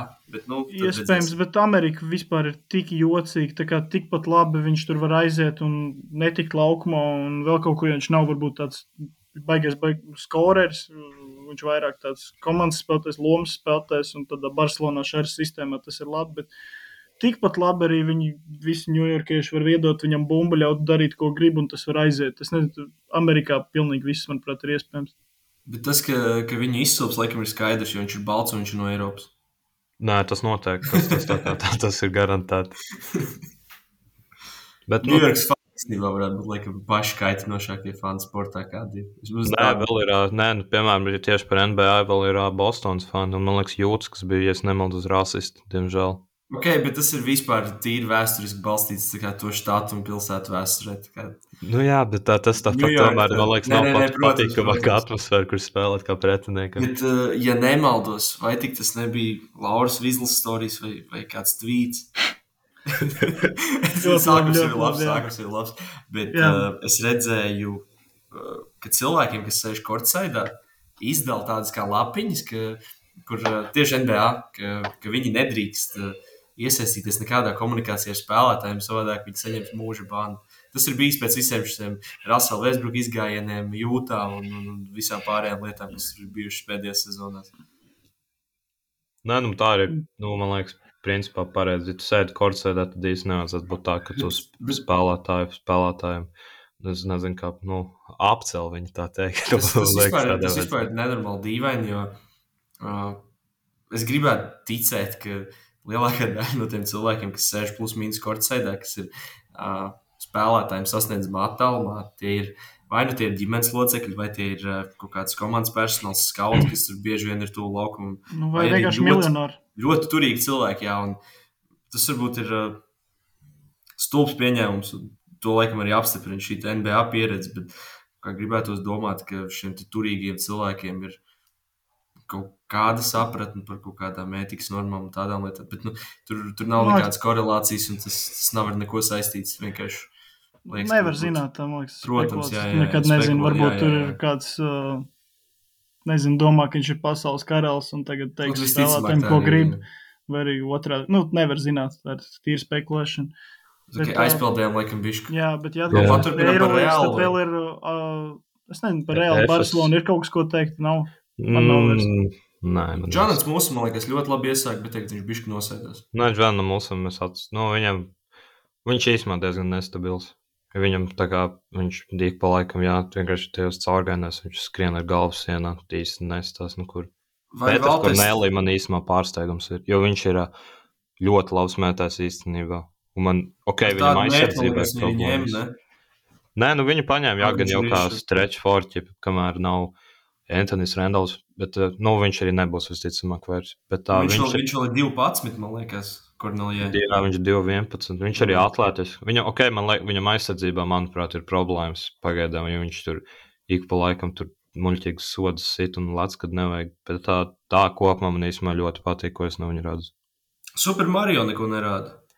Jā, Sup, super Mario es gribētu pateikt, ka arī man, es nezinu, kāpēc, bet tā treneris viņu ne, neiz, negrib izmantot uzbrukumā ik pa laikam. Arī viņam bija tikko pret Survenu zvezdu. Man liekas, ka Super Mario tur nospēlēja. Ka, ne, man liekas, nebija pat desmit minūtes. Jo viņš, jo, man liekas, vienkārši uzbrukumā ir pārāk daudz Sergio Juļs ar bumbu.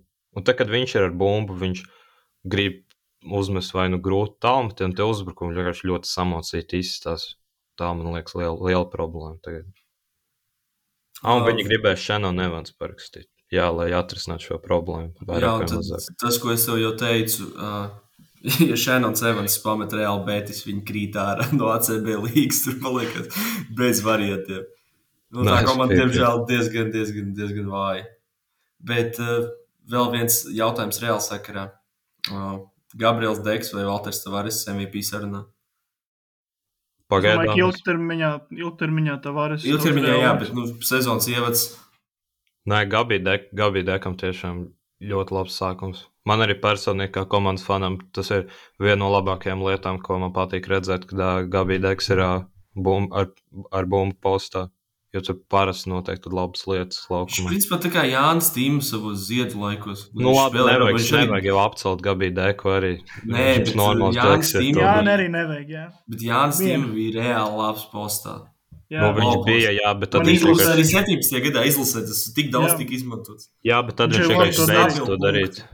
Bet viņš beidz to darīt, un viņš izdomāja, ka viņš, viņš vienkārši sāks tikai mest. Un tad viņš mm. izdomāja, ka viņš, nu, es nezinu, ko viņš izdomāja. Viņš izdomāja, viņš izdomāja to, ka viņš jāņem izlasē, ka viņš nospēlēs normālu basketbolu divus gadus. Tas arī bija no viņa interesanti. Nu, es nezinu, Luka Banki pats G līgā strādāja pirms Latvijas izlases. Es domāju, viņš diezgan labi pārzina, cik tur labi organizēts basketbols. Gan jau uz FS pāriem, ne?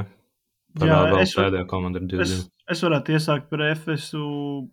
Manuprāt, tā, vispār, sāksim ar to, ka garie spēlētāji īstenībā neko nedara. Piemēram, Polonāra un Zizičs, kas kā, ir skaļi uzvārdi, bet viņi, nezinu, netiek pie tik daudz iespējām. Visu laiku būtībā šī komanda, visu, ko viņi dara, balstās uz vienkārši divu spēlētāju individuālo meistarību. Tas ir Vasa Mīciņš un Klaibuns.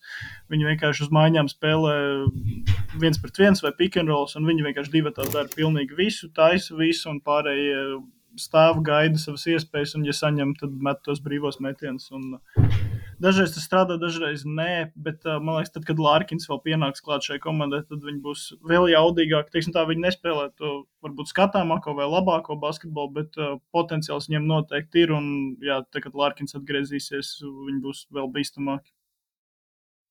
Ja es nemaldos, es kaut kad pirms pāris dienām redzēju kaut kādu statistiku, Lārkins, Fuinē, Lārkins, bet uh, Mīciņš ar uh, Klaiburnu bija kopā sametuši, man liekas, pusi no komandas punktiem. Abi divi vai pat vairāk kā pusi. Tāpēc, jā, tā pagaidām ir divu cilvēku komanda. Un, jā, tie jaunie spēlētāji, pārējie papildinājumi bez Klaiburna, manuprāt, vēl vai nav vietušies, nav atraduši lomas, es nezinu, bet nav, nerāda vēl īsti neko. Amats un Baja ir aizstājis tā, nu, kas tur bija plus mīnus to pozīciju. Tāds, Mormans. Uh, Adrians Mormans, uh, Singletons, nu, kaut kāds tos. Nu, Labi, James Andersons, gluži ne, bet, bet viņš tā, nu, viņš arī ļoti daudz spēlē, un viņš tā īstenībā perfekts tā kā lomas spēlētājs uh, šādai brigādei. Bet īstenībā, vai jūs nebiedē uh, Miciča un, un Klaiburna lielās minūtes sezonas griezumā? Es domāju, ka tas varbūt Lārkins viņiem noņems mazliet nost pēc tam. Nu, mazliet, jā, bet es to skatos pozitīvi, tādā fantāzijas ziņā, jo es zinu, ka šie džeki spēlēs, viņiem būs bumba, viņiem būs 35 minūtes, un ka lai kas arī notiktu, viņi, viņi kaut ko izdarīs, viņi savus ciparus dabūs. Un, un, jā. Bet, nu jā, nu, galvenais, lai viņi paliek veseli. Jā, ir varbūt riskanti, ka tik daudz spēlē, tāpēc galvenais, lai paliek veseli, un tad jau viss būs kārtībā. Man liekas, runājot īstenībā par tām lielajām minūtēm, vēl viens, man, man liekas, tam pašam Vezenkom arī bija pie 30. Man liekas, tur ir 30 jo, minūtes. Pagājušā sezonā gadījumā minūšu līderis beigās nebija Lučičs, kurš vienkārši bija arī visu laiku spēlē 30, 31, 32 minūtes, un tas ir tā kā standarts. Jā, tā bija. Bet viņš arī briesmīgi sezonā iesācis. Priekš saviem, saviem standartiem. Bet, ok, vēl tiksim, vēl tiksim, vēl tiksim. Es ne, neskrienu ratiem pa priekšu, neuztraucieties. Es vēl varētu piezīmēt, ka pirms es tā teiktu, Leibonu tik daudz redzēju darbībā, kad es iepriekšējos gados, es Eirolandā sāku skatīties, nezinu, divus, trīs gadus atpakaļ, tā reāli nopietni, ka visu sezonu sekoja līdzi. Un tad visu laiku tika skandināts Vils Leibons, labākais trešais numurs Eirolandā un tam līdzīgi. Tad man neizdevās viņu tik daudz redzēt, un tad es nevarēju varbūt līdz galam objektīvi spriest, vai tā tiešām ir vai nē. Un tagad, skatoties šīs sezonas sākumu, es teiktu, nu, ja, es nezinu, vai mēs kaut skaitām kā trešo vai ceturto numuru, bet uh, būtībā viņš tad vai Vezenkovs arī ir, manuprāt, tas labākais trešais numurs līgā. Es nezinu, jūs piekrītat, nepiekrītat, jo man tā šobrīd izskatās. Nu, es piekritīšu, laikam, jo, manuprāt, viņš ir tīrāks trešais nekā, nekā Vezenkovs. Jā, nu, es saku, Vezenkovs vienīgais, kas viņam konkurences sastāvda, ja viņi ieliek tajā pozīcijā. Es neredzu īsti citus spēlētājus, kas ir tajā līmenī, tajā pozīcijā. Vēl viens jautājums. Valčs piekrīt, ir labākais, nav labākais. Viņš jau gan jau Gabrielu Deku grib likt. es īstenībā aizdomājos par viņu. Bet nē, nu vienkārši tur ir. Geršons ceturts. Nu, Geršons ceturts. Nē, nu, Gabija Deks, manuprāt.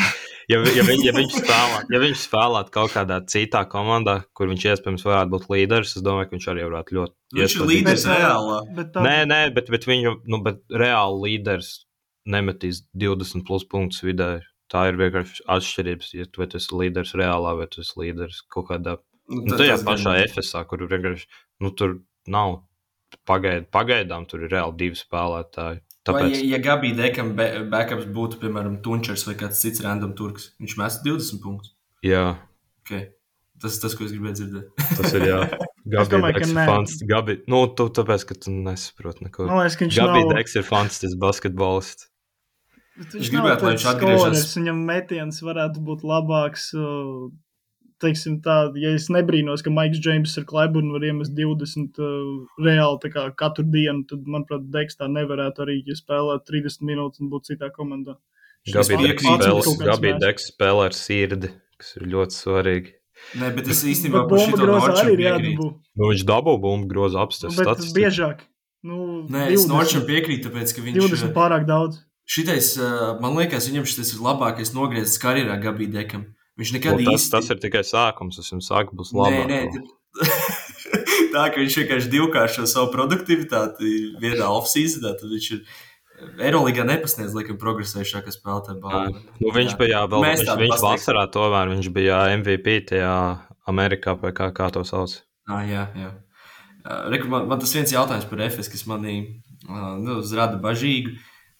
Protams, nav Lārkins, kurš vismaz iepriekš ir bijis 50% komandas principā. Bet uh, gan Klaiburns, gan, gan Vāsa spēlē virs 35 minūtēm vidēji spēlē. Un ar visu to viņi zaudēja Monako pagarinājumā. Viņi zaudēja Valencijai mājās. Pašspēlēt mājās. Un, un viņi tikko zaudēja Bursai. Un viņi mocījās ar Albu. Labi, Alba ir labi sākus, bet uh, Vienkār, es saprotu, ka viņi tā saka katru gadu. Jā, tas tas, ko es gribēju teikt. Ok, sorry. Es vienkārši domāju, ka varbūt kāds, uh, kāds cits punkts tev būs. Bet... Nē, tā ir. Pagājušajā pagājuš gadā viņi arī, pagājušajā gadā, es nemaldos, viņi uzsāka sezonu, bet es atceros, bija tieši pirmais mačs pret Reāli, un viņiem bija spēles gaitā mīnus 30. Yeah. vai, vai mīnus 20. Nu, mīnus 20 noteikti bija. Beigās viņa čempions. Tāpēc par viņiem man nav baigās, baigās bažas, ka viņi varētu. Es būtu slikti. Es laikam nepiekrītu līdz galam, ka viņi vienmēr sāk slikti. Jo tajā sezonā, kad, uh, kur pārtrauc Covid, tad arī vienu pirms tam, kad Lārkins uzstādīja punktu rekordu, viņi bija neapturami vienkārši. Viņi bija pirmie līgā, viņiem bija nu, ļoti greizi bilants. Viņi visus nu, uzvarēja. Tas bija kaut kāds 18, 6 vai kaut kas tāds man atmiņā. Vienkārši tie cipari nezinu, kāpēc. Es tūlīt, tūlīt parunāju nedaudz ātri faktu čeku uztaisīšu. Bet nē, nu, tas man liekas, var, man liekas, ka viņi varbūt vienkārši. Es nezinu, tā kā 20, 24, 4 bilance. Uh, pirmā vieta līgā uh, 19. un 20. gada sezonā līdz Covidam.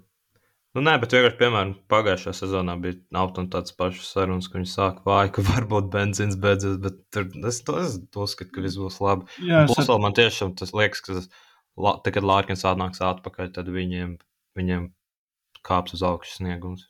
Jo, jo, tad, jo tev vairāk opcijas, tad tu vari vairāk atpūtināt tos pašus spēlētājus. Un man liekas, ka uztaisīt būtu lielāka rotācija. Nu, ro, nu cik no rotācija, vienkārši vairāk spēlētāju, kas tev var reāli punktus gūt.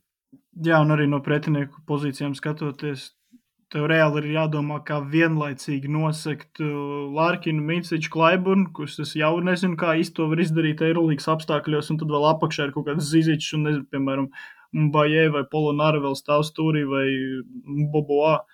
Tā kā nu, es neuztraucos, viņiem ir tik daudz uh, veidu, un tā kā viss vis būs labi arī, ja viņi iesāk lēnāk, gluži kā pagājušo sezonu. Tu mēs gan jau ejam, ejam tālāk uz tām atpakaļ, atpakaļ apakšgala komandām. Tā, tur ir Partizans. 12. vieta, kuriem ir viena uzvara, kur viņi uzvarēja Kristiāna, Kristiāna Dilāna, Boloņas virtus bez variantiem. Es neatceros, cik tur beigās bija. Man liekas, ka bija plus 30.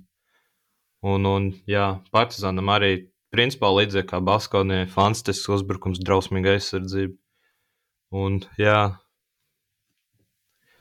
Nu, jā, abas šīs no Eiropas atnākušās komandas, Partizans un Virtus, nav īpaši pārliecinoši uzsākušas sezonu. Abām izlases komandām 1-3 bilants. Zaudējumi ar tādi tieši tām komandām, ko mēs varbūt negaidījām. Piemēram, Partizans ir zaudējuši gan Baskonijai, gan Albai, kas tagad ir augšgalā. Tie ir tie pārsteigumi. Un jautājums, vai viņi ieskriesies, vai jūs ticat, ka viņi var uzlabot savu spēli un cīnīties par plēfiem, vai viņi tiešām būs apakšgala komanda. Un tagad par Partizanu jautāju, pēc tam par Virtus. nu, Man par ir Partizanu. tādas šaubas mazliet, bet nu, es domāju, ka ieskriesies. Nē, bija tagad. neveiksmīgais tas sākums vispār. Nu, viņi sāka, Mēs liekas, skatot albu, kā viņi zaudēja tos gan pret eh, Baskoniju, gan pret, eh, pret Milānu. pret Baskovni tieši pēdējā, pēdējā pamatlaika sekundē Marks Horts izlīdzināja ar trojku Mhm. rezultātu. Tur, principā, tu, to spēli viņam vajadzēja uzvarēt. Un tur vēl, man liekas, tas bija pagarinājumā, kad Džeims Nālīs uzmet pilnībā nesaprotam tālmetienu beigās. Man liekas, vai tas bija pagarinājumā vai pamatlaika, es īsti neatceros. Bet viņiem ā, Partizanam tas, ka viņiem nav īsti saspēles vadītāji. Viņam pirmajā spēlē, es atceros, viņiem Dante Eksums vadīja saspēli, kas bija diezgan liela problēma. Nu, Madars ir. Nē, nu, Madars, jā, bet Madaram arī šī ir tomēr pirmā sezona šādā līmenī. Tāpēc Tas tā, ir tīri ok, iesācis. Bet uh, man drīzāk jautājums par, eh, par Avrāmoviču. Viņš decembrī būs atpakaļ, vai kad tur bija? Kaut kas tam līdzīgs bija. Ja? viņam, ā, es, es, es tieši lasīju, pirms divām dienām bija ar viņu kaut kāda intervija, intervija, kur viņš teica, ka viņam ā, šodien, tieši, man liekas, pirmdienā būs apgādājis par to viņa veselības stāvokli, ka viņam, vēl, man liekas, ņem, ņem no ģips no rokas vai kaut kas tāds. Bet viņiem līdzīgs atgriešanās laiks ar Smailagiču, vai ne? Man liekas, ka jā. Bet es domāju, ka tagad, jā, viņiem būs vēl Avrāmovičs, Mailagičs. Es domāju, ka viņi kļūs vēl konkurētspējīgāki. Īstenībā milzīgs pārsteigums šajā partizāna brigādē ir Matijas Lasorts. Vismaz kā viņš ir iesācis sezonu, man vismaz ir diezgan liels pārsteigums, jo es negaidīju tādu produktivitāti no viņa. Jā, jā. Vispār labākais fantasy centrs šobrīd līgā. jā nu, līdējs arī labs. Un, Bet līdējs nav kā centrs fantasy, ne? ir, viņi abi divi kā Ir, centri. jā. ir. Ah, ok. Un tad viņi vēl vienā cenā ir, un tad vajag izvēlēties, kuru no abiem tu vēlēsies. Es vēl vēlētos atzīmēt vienu lietu, kas man ļoti patika Partizānā, ka bija viņiem spēle pret Baskoniju. Tur uh, pamatlaikā uz beigām Kevins Panters iemetāja diezgan svarīgu postālo metienu. Viņi ļoti, ļoti, ļoti patīkami ar Žeļko Brādoviču apskāvās. Man ļoti patika. Ļoti holsam tā teikt. Jā, viņa tā kā, viņš tā kā ārlaulības dēls viņam. Principā. tur Viņš Lali Jūps viņam met treniņos. Jā, jā, Viņiem tā ļoti tāds- treniņos ļoti tikai piespēlīts attiecības. Jā. Tā kā būtībā treneris uzticās šim spēlētājam, viņš arī daudz spēlē, daudz met pa grozu, būtībā zaļā gaisma visu var darīt un laikam arī tiek tā kā pozicionēts kā komandas līderis. Papa Petru ir ļoti bēdīgs sācis. Jā, piekrīt. No viņa gan jau gaidīja vairāk. Bet, nu, nu es, es domāju, ka šī tā komanda ir vienkārši laiks jādod. Jo viņiem arī bija jā, tomēr diezgan, nu, labi, nebija ļoti liels rebuilds, bet viņi papildinājās. Un plus vēl tagad spēlētājs, kurš ir šārā. Ah, es atceros, viņiem starp mazajiem vēl Danilo un Anģušiņš bija, kurš arī, viņam bija kaut kāda laba spēle, viņam bija. Gan jau pēc virtus. Man liekas, tur visiem bija laba spēle. Es Bet tūlīt, tad- tūlīt pārbaudīšu viņam. Tad- Ah, nu viņš, viņš Alba iemet 18 punktus pirmajā spēlē. Ah, ok. Tur Četri- liekas, četrpadsmit, Eksons, pret. Albu iemet 20 plus, bet tā 14. Bet nu, tad tālāk ir 13. vietā Valencija, par ko mēs pirmajā mēnesī nerunājam. Mēs Jo, nu, nu, tur cienīsim nav... treneri. Jā, cienīsim Mumbru, treneru Mumbru viedokli. Un tad 14. ir ā, tabulā Panatinaikas. Un par Panatinaikas viņa, jā, kā jau tur tika viss minēts par, par Dvēnu Baconu, ka viņu, viņu parakstīja. Tas bija diezgan jā, negaidīt, jo pēc tā, ko tur ir Doņš teica, ka viņam tāda profila spēlētāja nav vajadzīga, un tad viņi burtiski viņu četras dienas vēlāk parakstīja. Un tad viņi vēl, vēl atlaida Andrew Andrews, kas, nu, ok, par to jau tur runāja. Pirms, pirms sezonas jau, jau es tieši šeit minēju, ka bija kaut kas tāds dzirdēts, bet man likās diezgan nesaprotami. Jo, manuprāt, viņš diezgan labi spēlēja.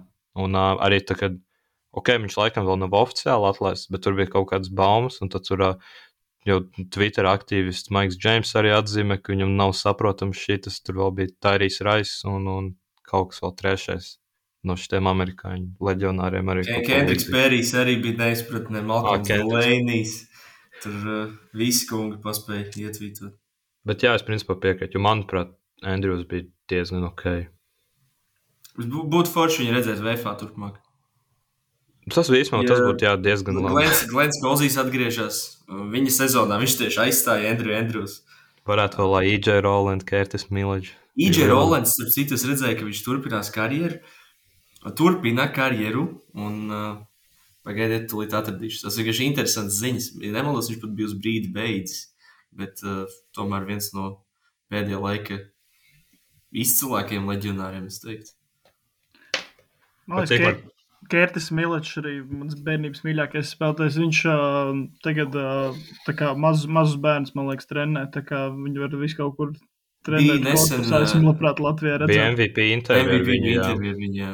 Viņš, viņš tur kaut ko trenēja, viņam ļoti Rīga patika. Viņš teica, viņš labprāt atgrieztos. Vai kaut kas Protams, tam kurš negrib. Rīgā atgriezties. Uzaicinām. Bet EJs Rolands polijas čempionu griezīs. O, Varbūt jau griež. Nu, re. Bet uh, es domāju, varbūt varam pāriet pie virtuves. Es vismaz, Kristiāna, tev vēlos uh, pirmkārt apsveikt. Ar, uh, Ā, pag, pag, es varētu, es varētu pēdējo lietu par Panathinaikos pateikt. Vienu lietu, viens Viņi spēlētājs. kur-. Okay. Vien, es varu uzminēt šo spēlētāju. Nu, es, jā, es pieņemu. Papa jā. Jā, es atļaušos. Nē, tev. nav Papa Jans. Ar turas gadaitis. Man, man viņš personīgi, bet viņš nereāli kaitina. Es nezinu. Manā, es atceros viņu vēl, kad viņš bija Milānā. Tur bija principā bija tāds pats stāsts kā tagad. Viņš uznāk laukumā. Viņš vienmēr, viņš pirmkārt, manuprāt, viņš ir garlaicīgi viņu skatīties. Viņš vienmēr iet nereāli. Viņš mēģina tos visus sodus izprovocēt.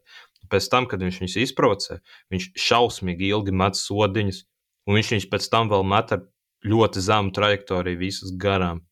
Bet ļoti nepatīk viņš. Vēl viena no manas puses lieta, man liekas, sakarā, es iespējams ar šito apdedzināšos.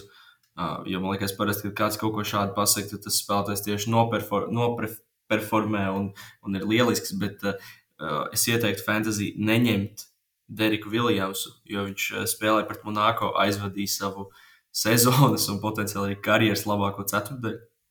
Jā, bet Jā, tur ir tas viņam, man liekas, tā bija karjeras rezultātā spēle. Pat. Jā, arī, arī karjeras rezultātīvākā spēle. Tāpēc es vienkārši varbūt uh, neatceros, cik viņš tur efektivitāti beigās savāca, bet es laikam izvairītos viņu ņemt. Un es Viņam- pats viņam ir- personīgi esmu daudz apdedzinājis ar Grigonu. kurš- Jā, es arī. Bet uh, viņam ir labi, ka viņš ir būtībā viens no retajiem spēlētājiem, 4. numura pozīcijā Panathinaikos. un Tā ir tā vājā pozīcija, tāpēc es joprojām nesaprotu arī, kāpēc Beikons tiek, uh, kur, tik, kur viņš tiks likts un uh, tam līdzīgi. Bet uh, viņam būs viņš iespējas. paņītu laidīs pa četru, kā Eiropas čempionātā. Varbūt, un jā, Papa Jānis arī nav, manuprāt, pārliecinošs. Bet atgriežoties pie virtuves, es Tomēr, vēlreiz, jā, dodamies. vēlreiz vēlos apsveikt Kristiānu Tevi ar Eirolandes spēles apmeklējumu. Paldies! Tālāk par kauņu, kas varētu būt arī daudz interesantāk. Tu biji uz spēli pret Bayern, ja?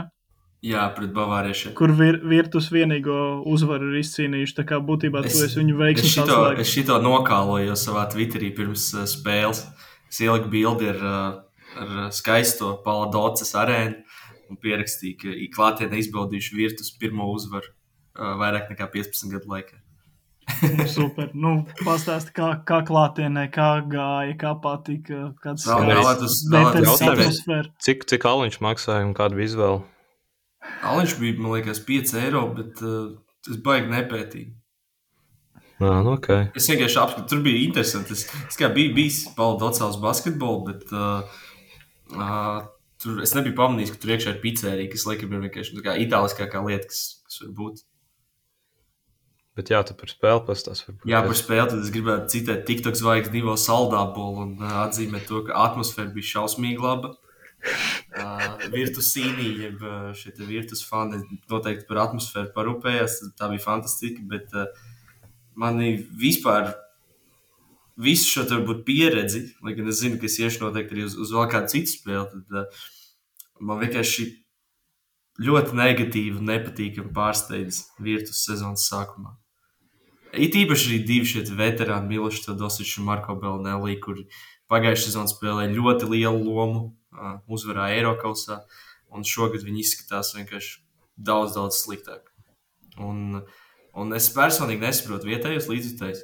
Uh, Belnelī ir itāls, un viņi viņu sauc par Tortelinelli, uh, kas ir Tortelīni ir tas tā kā mazs, mazs spēlmenīts tieši no Boloņas. principā viņa apceļ, jo viņš ir kā apēlies starp sezonā. Viņš ir itāls, viņš ir, viņš ir leģenda, viņš ir iespējams visu laiku labākais itāļu basketbolists. Viņu viņu apceļ.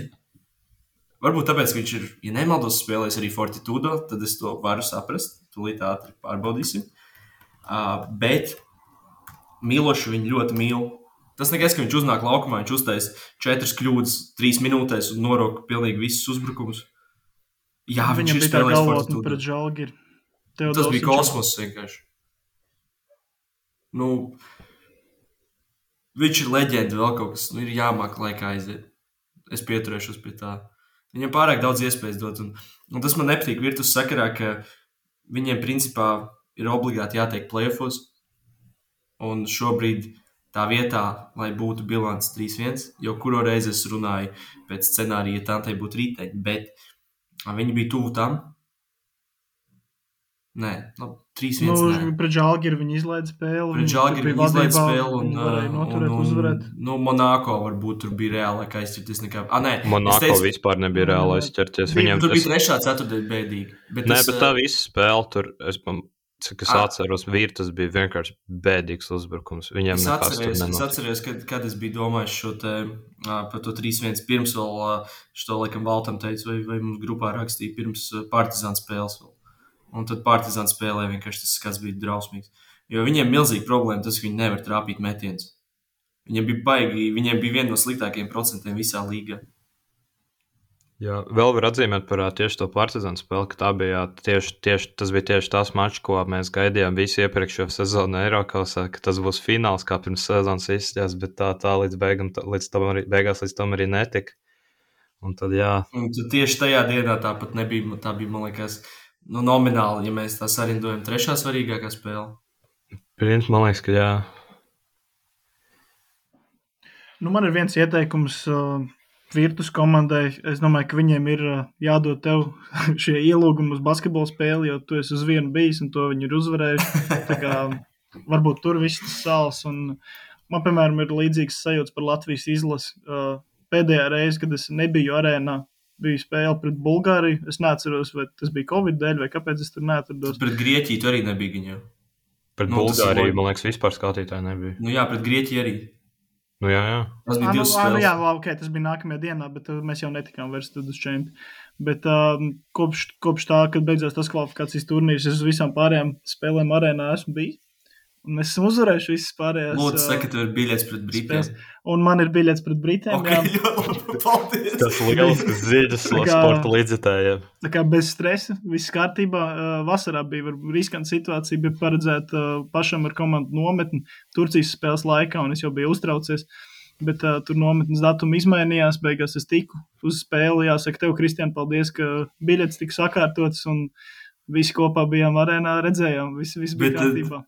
Tā kā es tad- domāju, Virtusam ir līdzīga situācija tā bet, kā tad, bet tad palīdzība. reāli tas nebija ne tur Kristapa porziņa faktors, Nē, ne, nē, ne tur sastais spēlētājs. Tas bija vienkārši tu. Nu, principā Nu, sastais spēlētājs bija sastais principā, bet ne, nevis, nevis sastais spēlētājs kā 11,000 arēnā, bet sastais spēlētājs, kā tieši Norberts. Tieši, tieši tas konkrētais sastais spēlētājs palīdzēja.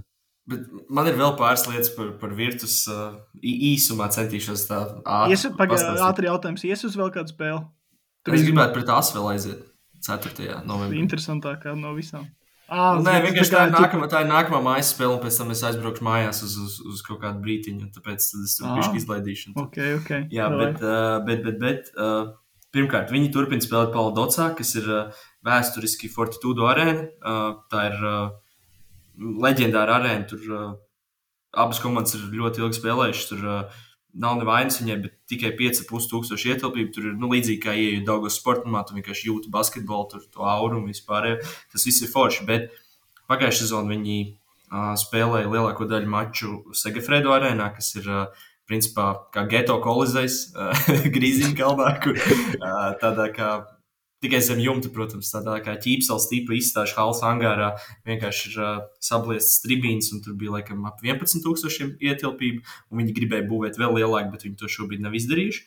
Uh, un, un tad vēl ir uh, netā, nedaudz principā uz pilsētas robežas ir, uh, ir Unipola arēna, kur notiek visi lielie koncerti, un tur arī uh, brīnumainā kārtā spēlē Reģo Emīlija un Artūrs Strautiņš. Viņi nespēlē Reģo, bet viņi spēlē Boloņā. Un, uh, tur viņi nespēlē, jo komanda īpašnieki, komandas īpašniekam ir konflikts ar šo te, uh, arēnas īpašnieku. Tā kā viņi ir tādā nedaudz ķilnieku lomā, bet no vienas puses iespējams tas pat ir nedaudz labāk, jo pagājušā sezonā viņi kaut kādā brīdī spēlēja visās trīs arēnās, un man liekas, profesionālajai komandai Eirolandā tas ir drusku par daudz. Es vienkārši nesaprotu, kur, kur tu spēlēsi, un arī nemaldos valsts izteica šādu uh, pieņēmumu, ka vienkārši var arī kāds līdzītais sajaukt. Un, nu, Nē, tā, tā, tā ir. Jo, piemēram, es nezinu, ja es esmu es ne, Latvijā, VFRīga fans. Es zinu, ja ir Latvijas-Igaunijas līga, viņi spēlē OSC, ir Čempionu līga, tad, ko es atceros no OSC, bet ir Rīgā Olimpiskajā centrā. un tad, ja Čempionu līga, viņi spēlē arēnā. Man liekas, viss loģiski saprotams. Bet tad, ja tev ir trīs arēnas, piemēram, pilsētā, no kurām tu nezini īsti, kurā viņi spēlēs, un kāds kaut kāds nedaudz aizmaršīgāks, kurš vienkārši nezinu, aizmirst pastīties vai kaut ko tādu, tad viņš vienkārši aizbrauc ne uz to arēnu, un tad vienkārši diezgan lielā nauda par biļetēm vienkārši mīkstā izmest. Um, jā, Rīgā pēc... vēl labi, ka Olimpiskais ir blakām arēnai un būtībā jā, vienā vietā abas. Un, un viss Prometē dzīvo Kansas virsotnēs.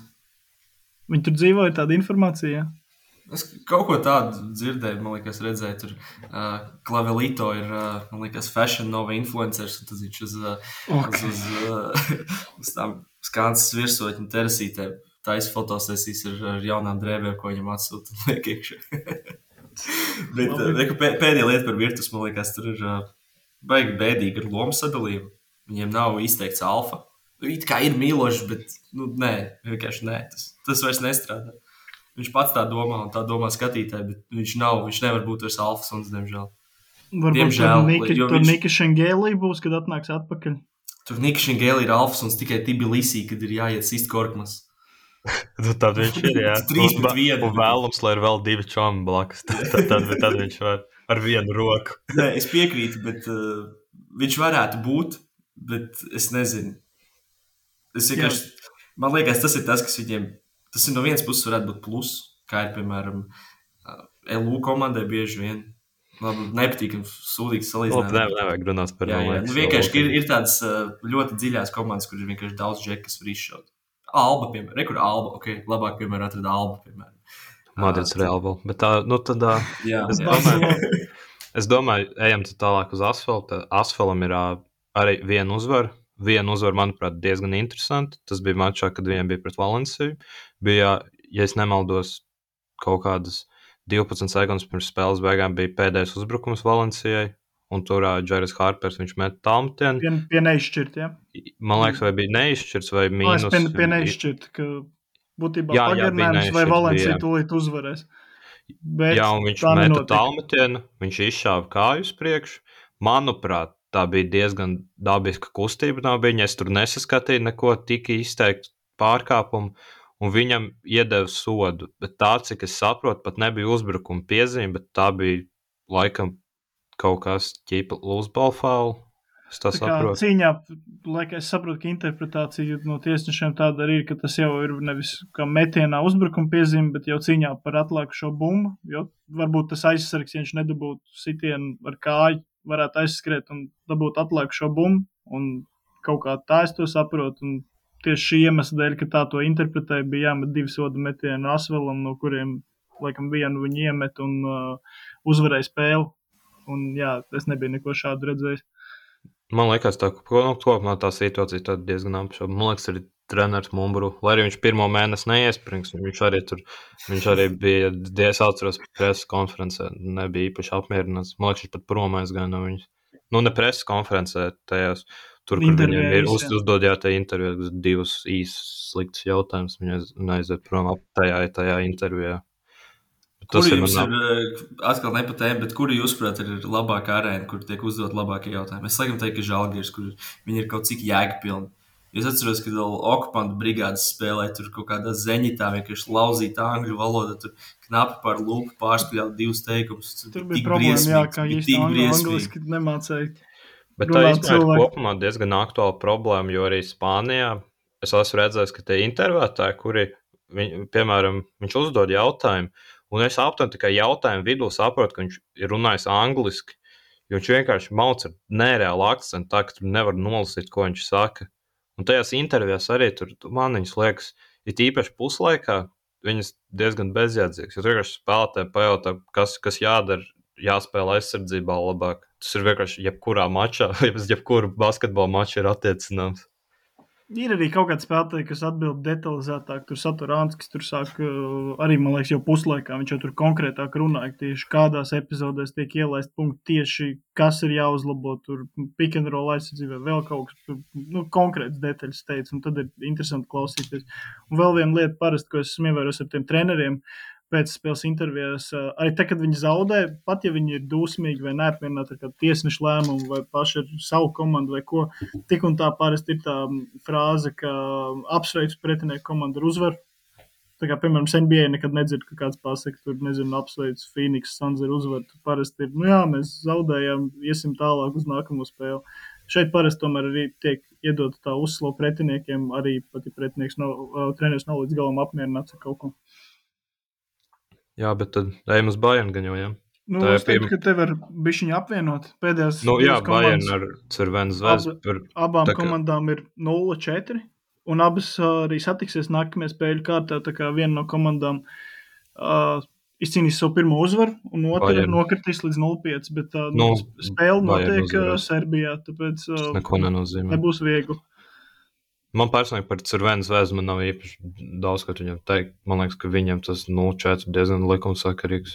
Man liekas, ka viņš ļoti vāji, ne īsti nelīdz galam konkurētspējīgi. Iespējams, Lūk, vēl daudz to uzlabos. Es šaubos, ka tur kaut kas mainīsies īpaši pozitīvā pusē. Un, un Bayernam tas, kā Lučičam vājš, vājš sākums, manuprāt, arī tie papildinājumi, kas bija no G-līgas atbrauc, nav īsti nerāda ne to, ko vajadzētu. Un plus vēl viņiem bija ļoti neveiksmīgi galanti pret Milānu, kurā pirmkārt Lučičs bija tuvojas piecas piezīmes un nepabeidz maču, un Niks Vailers Babs, ja es nemaldos, tur bija mīnus viens, un viņš aizmet garām divas sodiņas pašās pašās beigās. Tas man aptuveni viss par šīm divām komandām. Jā, nu, kas interesanti, Bajans arī pagājušajā gadā ar 0-4 sāk sezonas sākumu, taču tik un tā tika labāko astotniekā un izslēgšanas spēlēs. Uh, Es gan domāju, ka šogad vairs tas neizdosies, ka šis ir tas gads beidzot, kad Bajans nebūs astotniekā. Taču jā, es arī domāju, ka gan jau ka viņi uzvarēs nākamo spēli, un uh, viņi noteikti nebūs uh, paši pēdējie Eirolandā visu sezonas garumā. Taču plēfos arī viņi nebūs. Ja tagad jums, man jums jājautā, uh, kuras jūs nosauktu kā pēc pašreiz redzētākā pēdējās vietas īpašnieces? Nu, ja Bajans tas nebūs, nu, es domāju, Zvezda tur paliks. Asvils un Zvezda. Okay. Es piekrītu. Par Valenciju spriedīsim pēc mēneša. Nu, par Valenciju, par Valenciju protams, nekādas tālākas secinājumus negribas izdarīt. Piekrīt. Bet es piekrītu par Asvelu un Zvezdu. Un nu, es domāju, ka tur tomēr nokritīs lejā vēl arī Pantanaikus. Es domāju, tāpat Baskovnī vienā brīdī. Es, ne, es nezinu, viņi īstenībā nokritīs līdz pašai lejai, bet noteikti kritīs lejā tabulā diezgan ļoti. Jā, es jums gribu jautāt, kā jums liekas, cik ilgi Olimpijākus spēlēs bez zaudējumiem? Jūs teikt, skatos kalendāru. Mēs šitos spriedām jau, ne?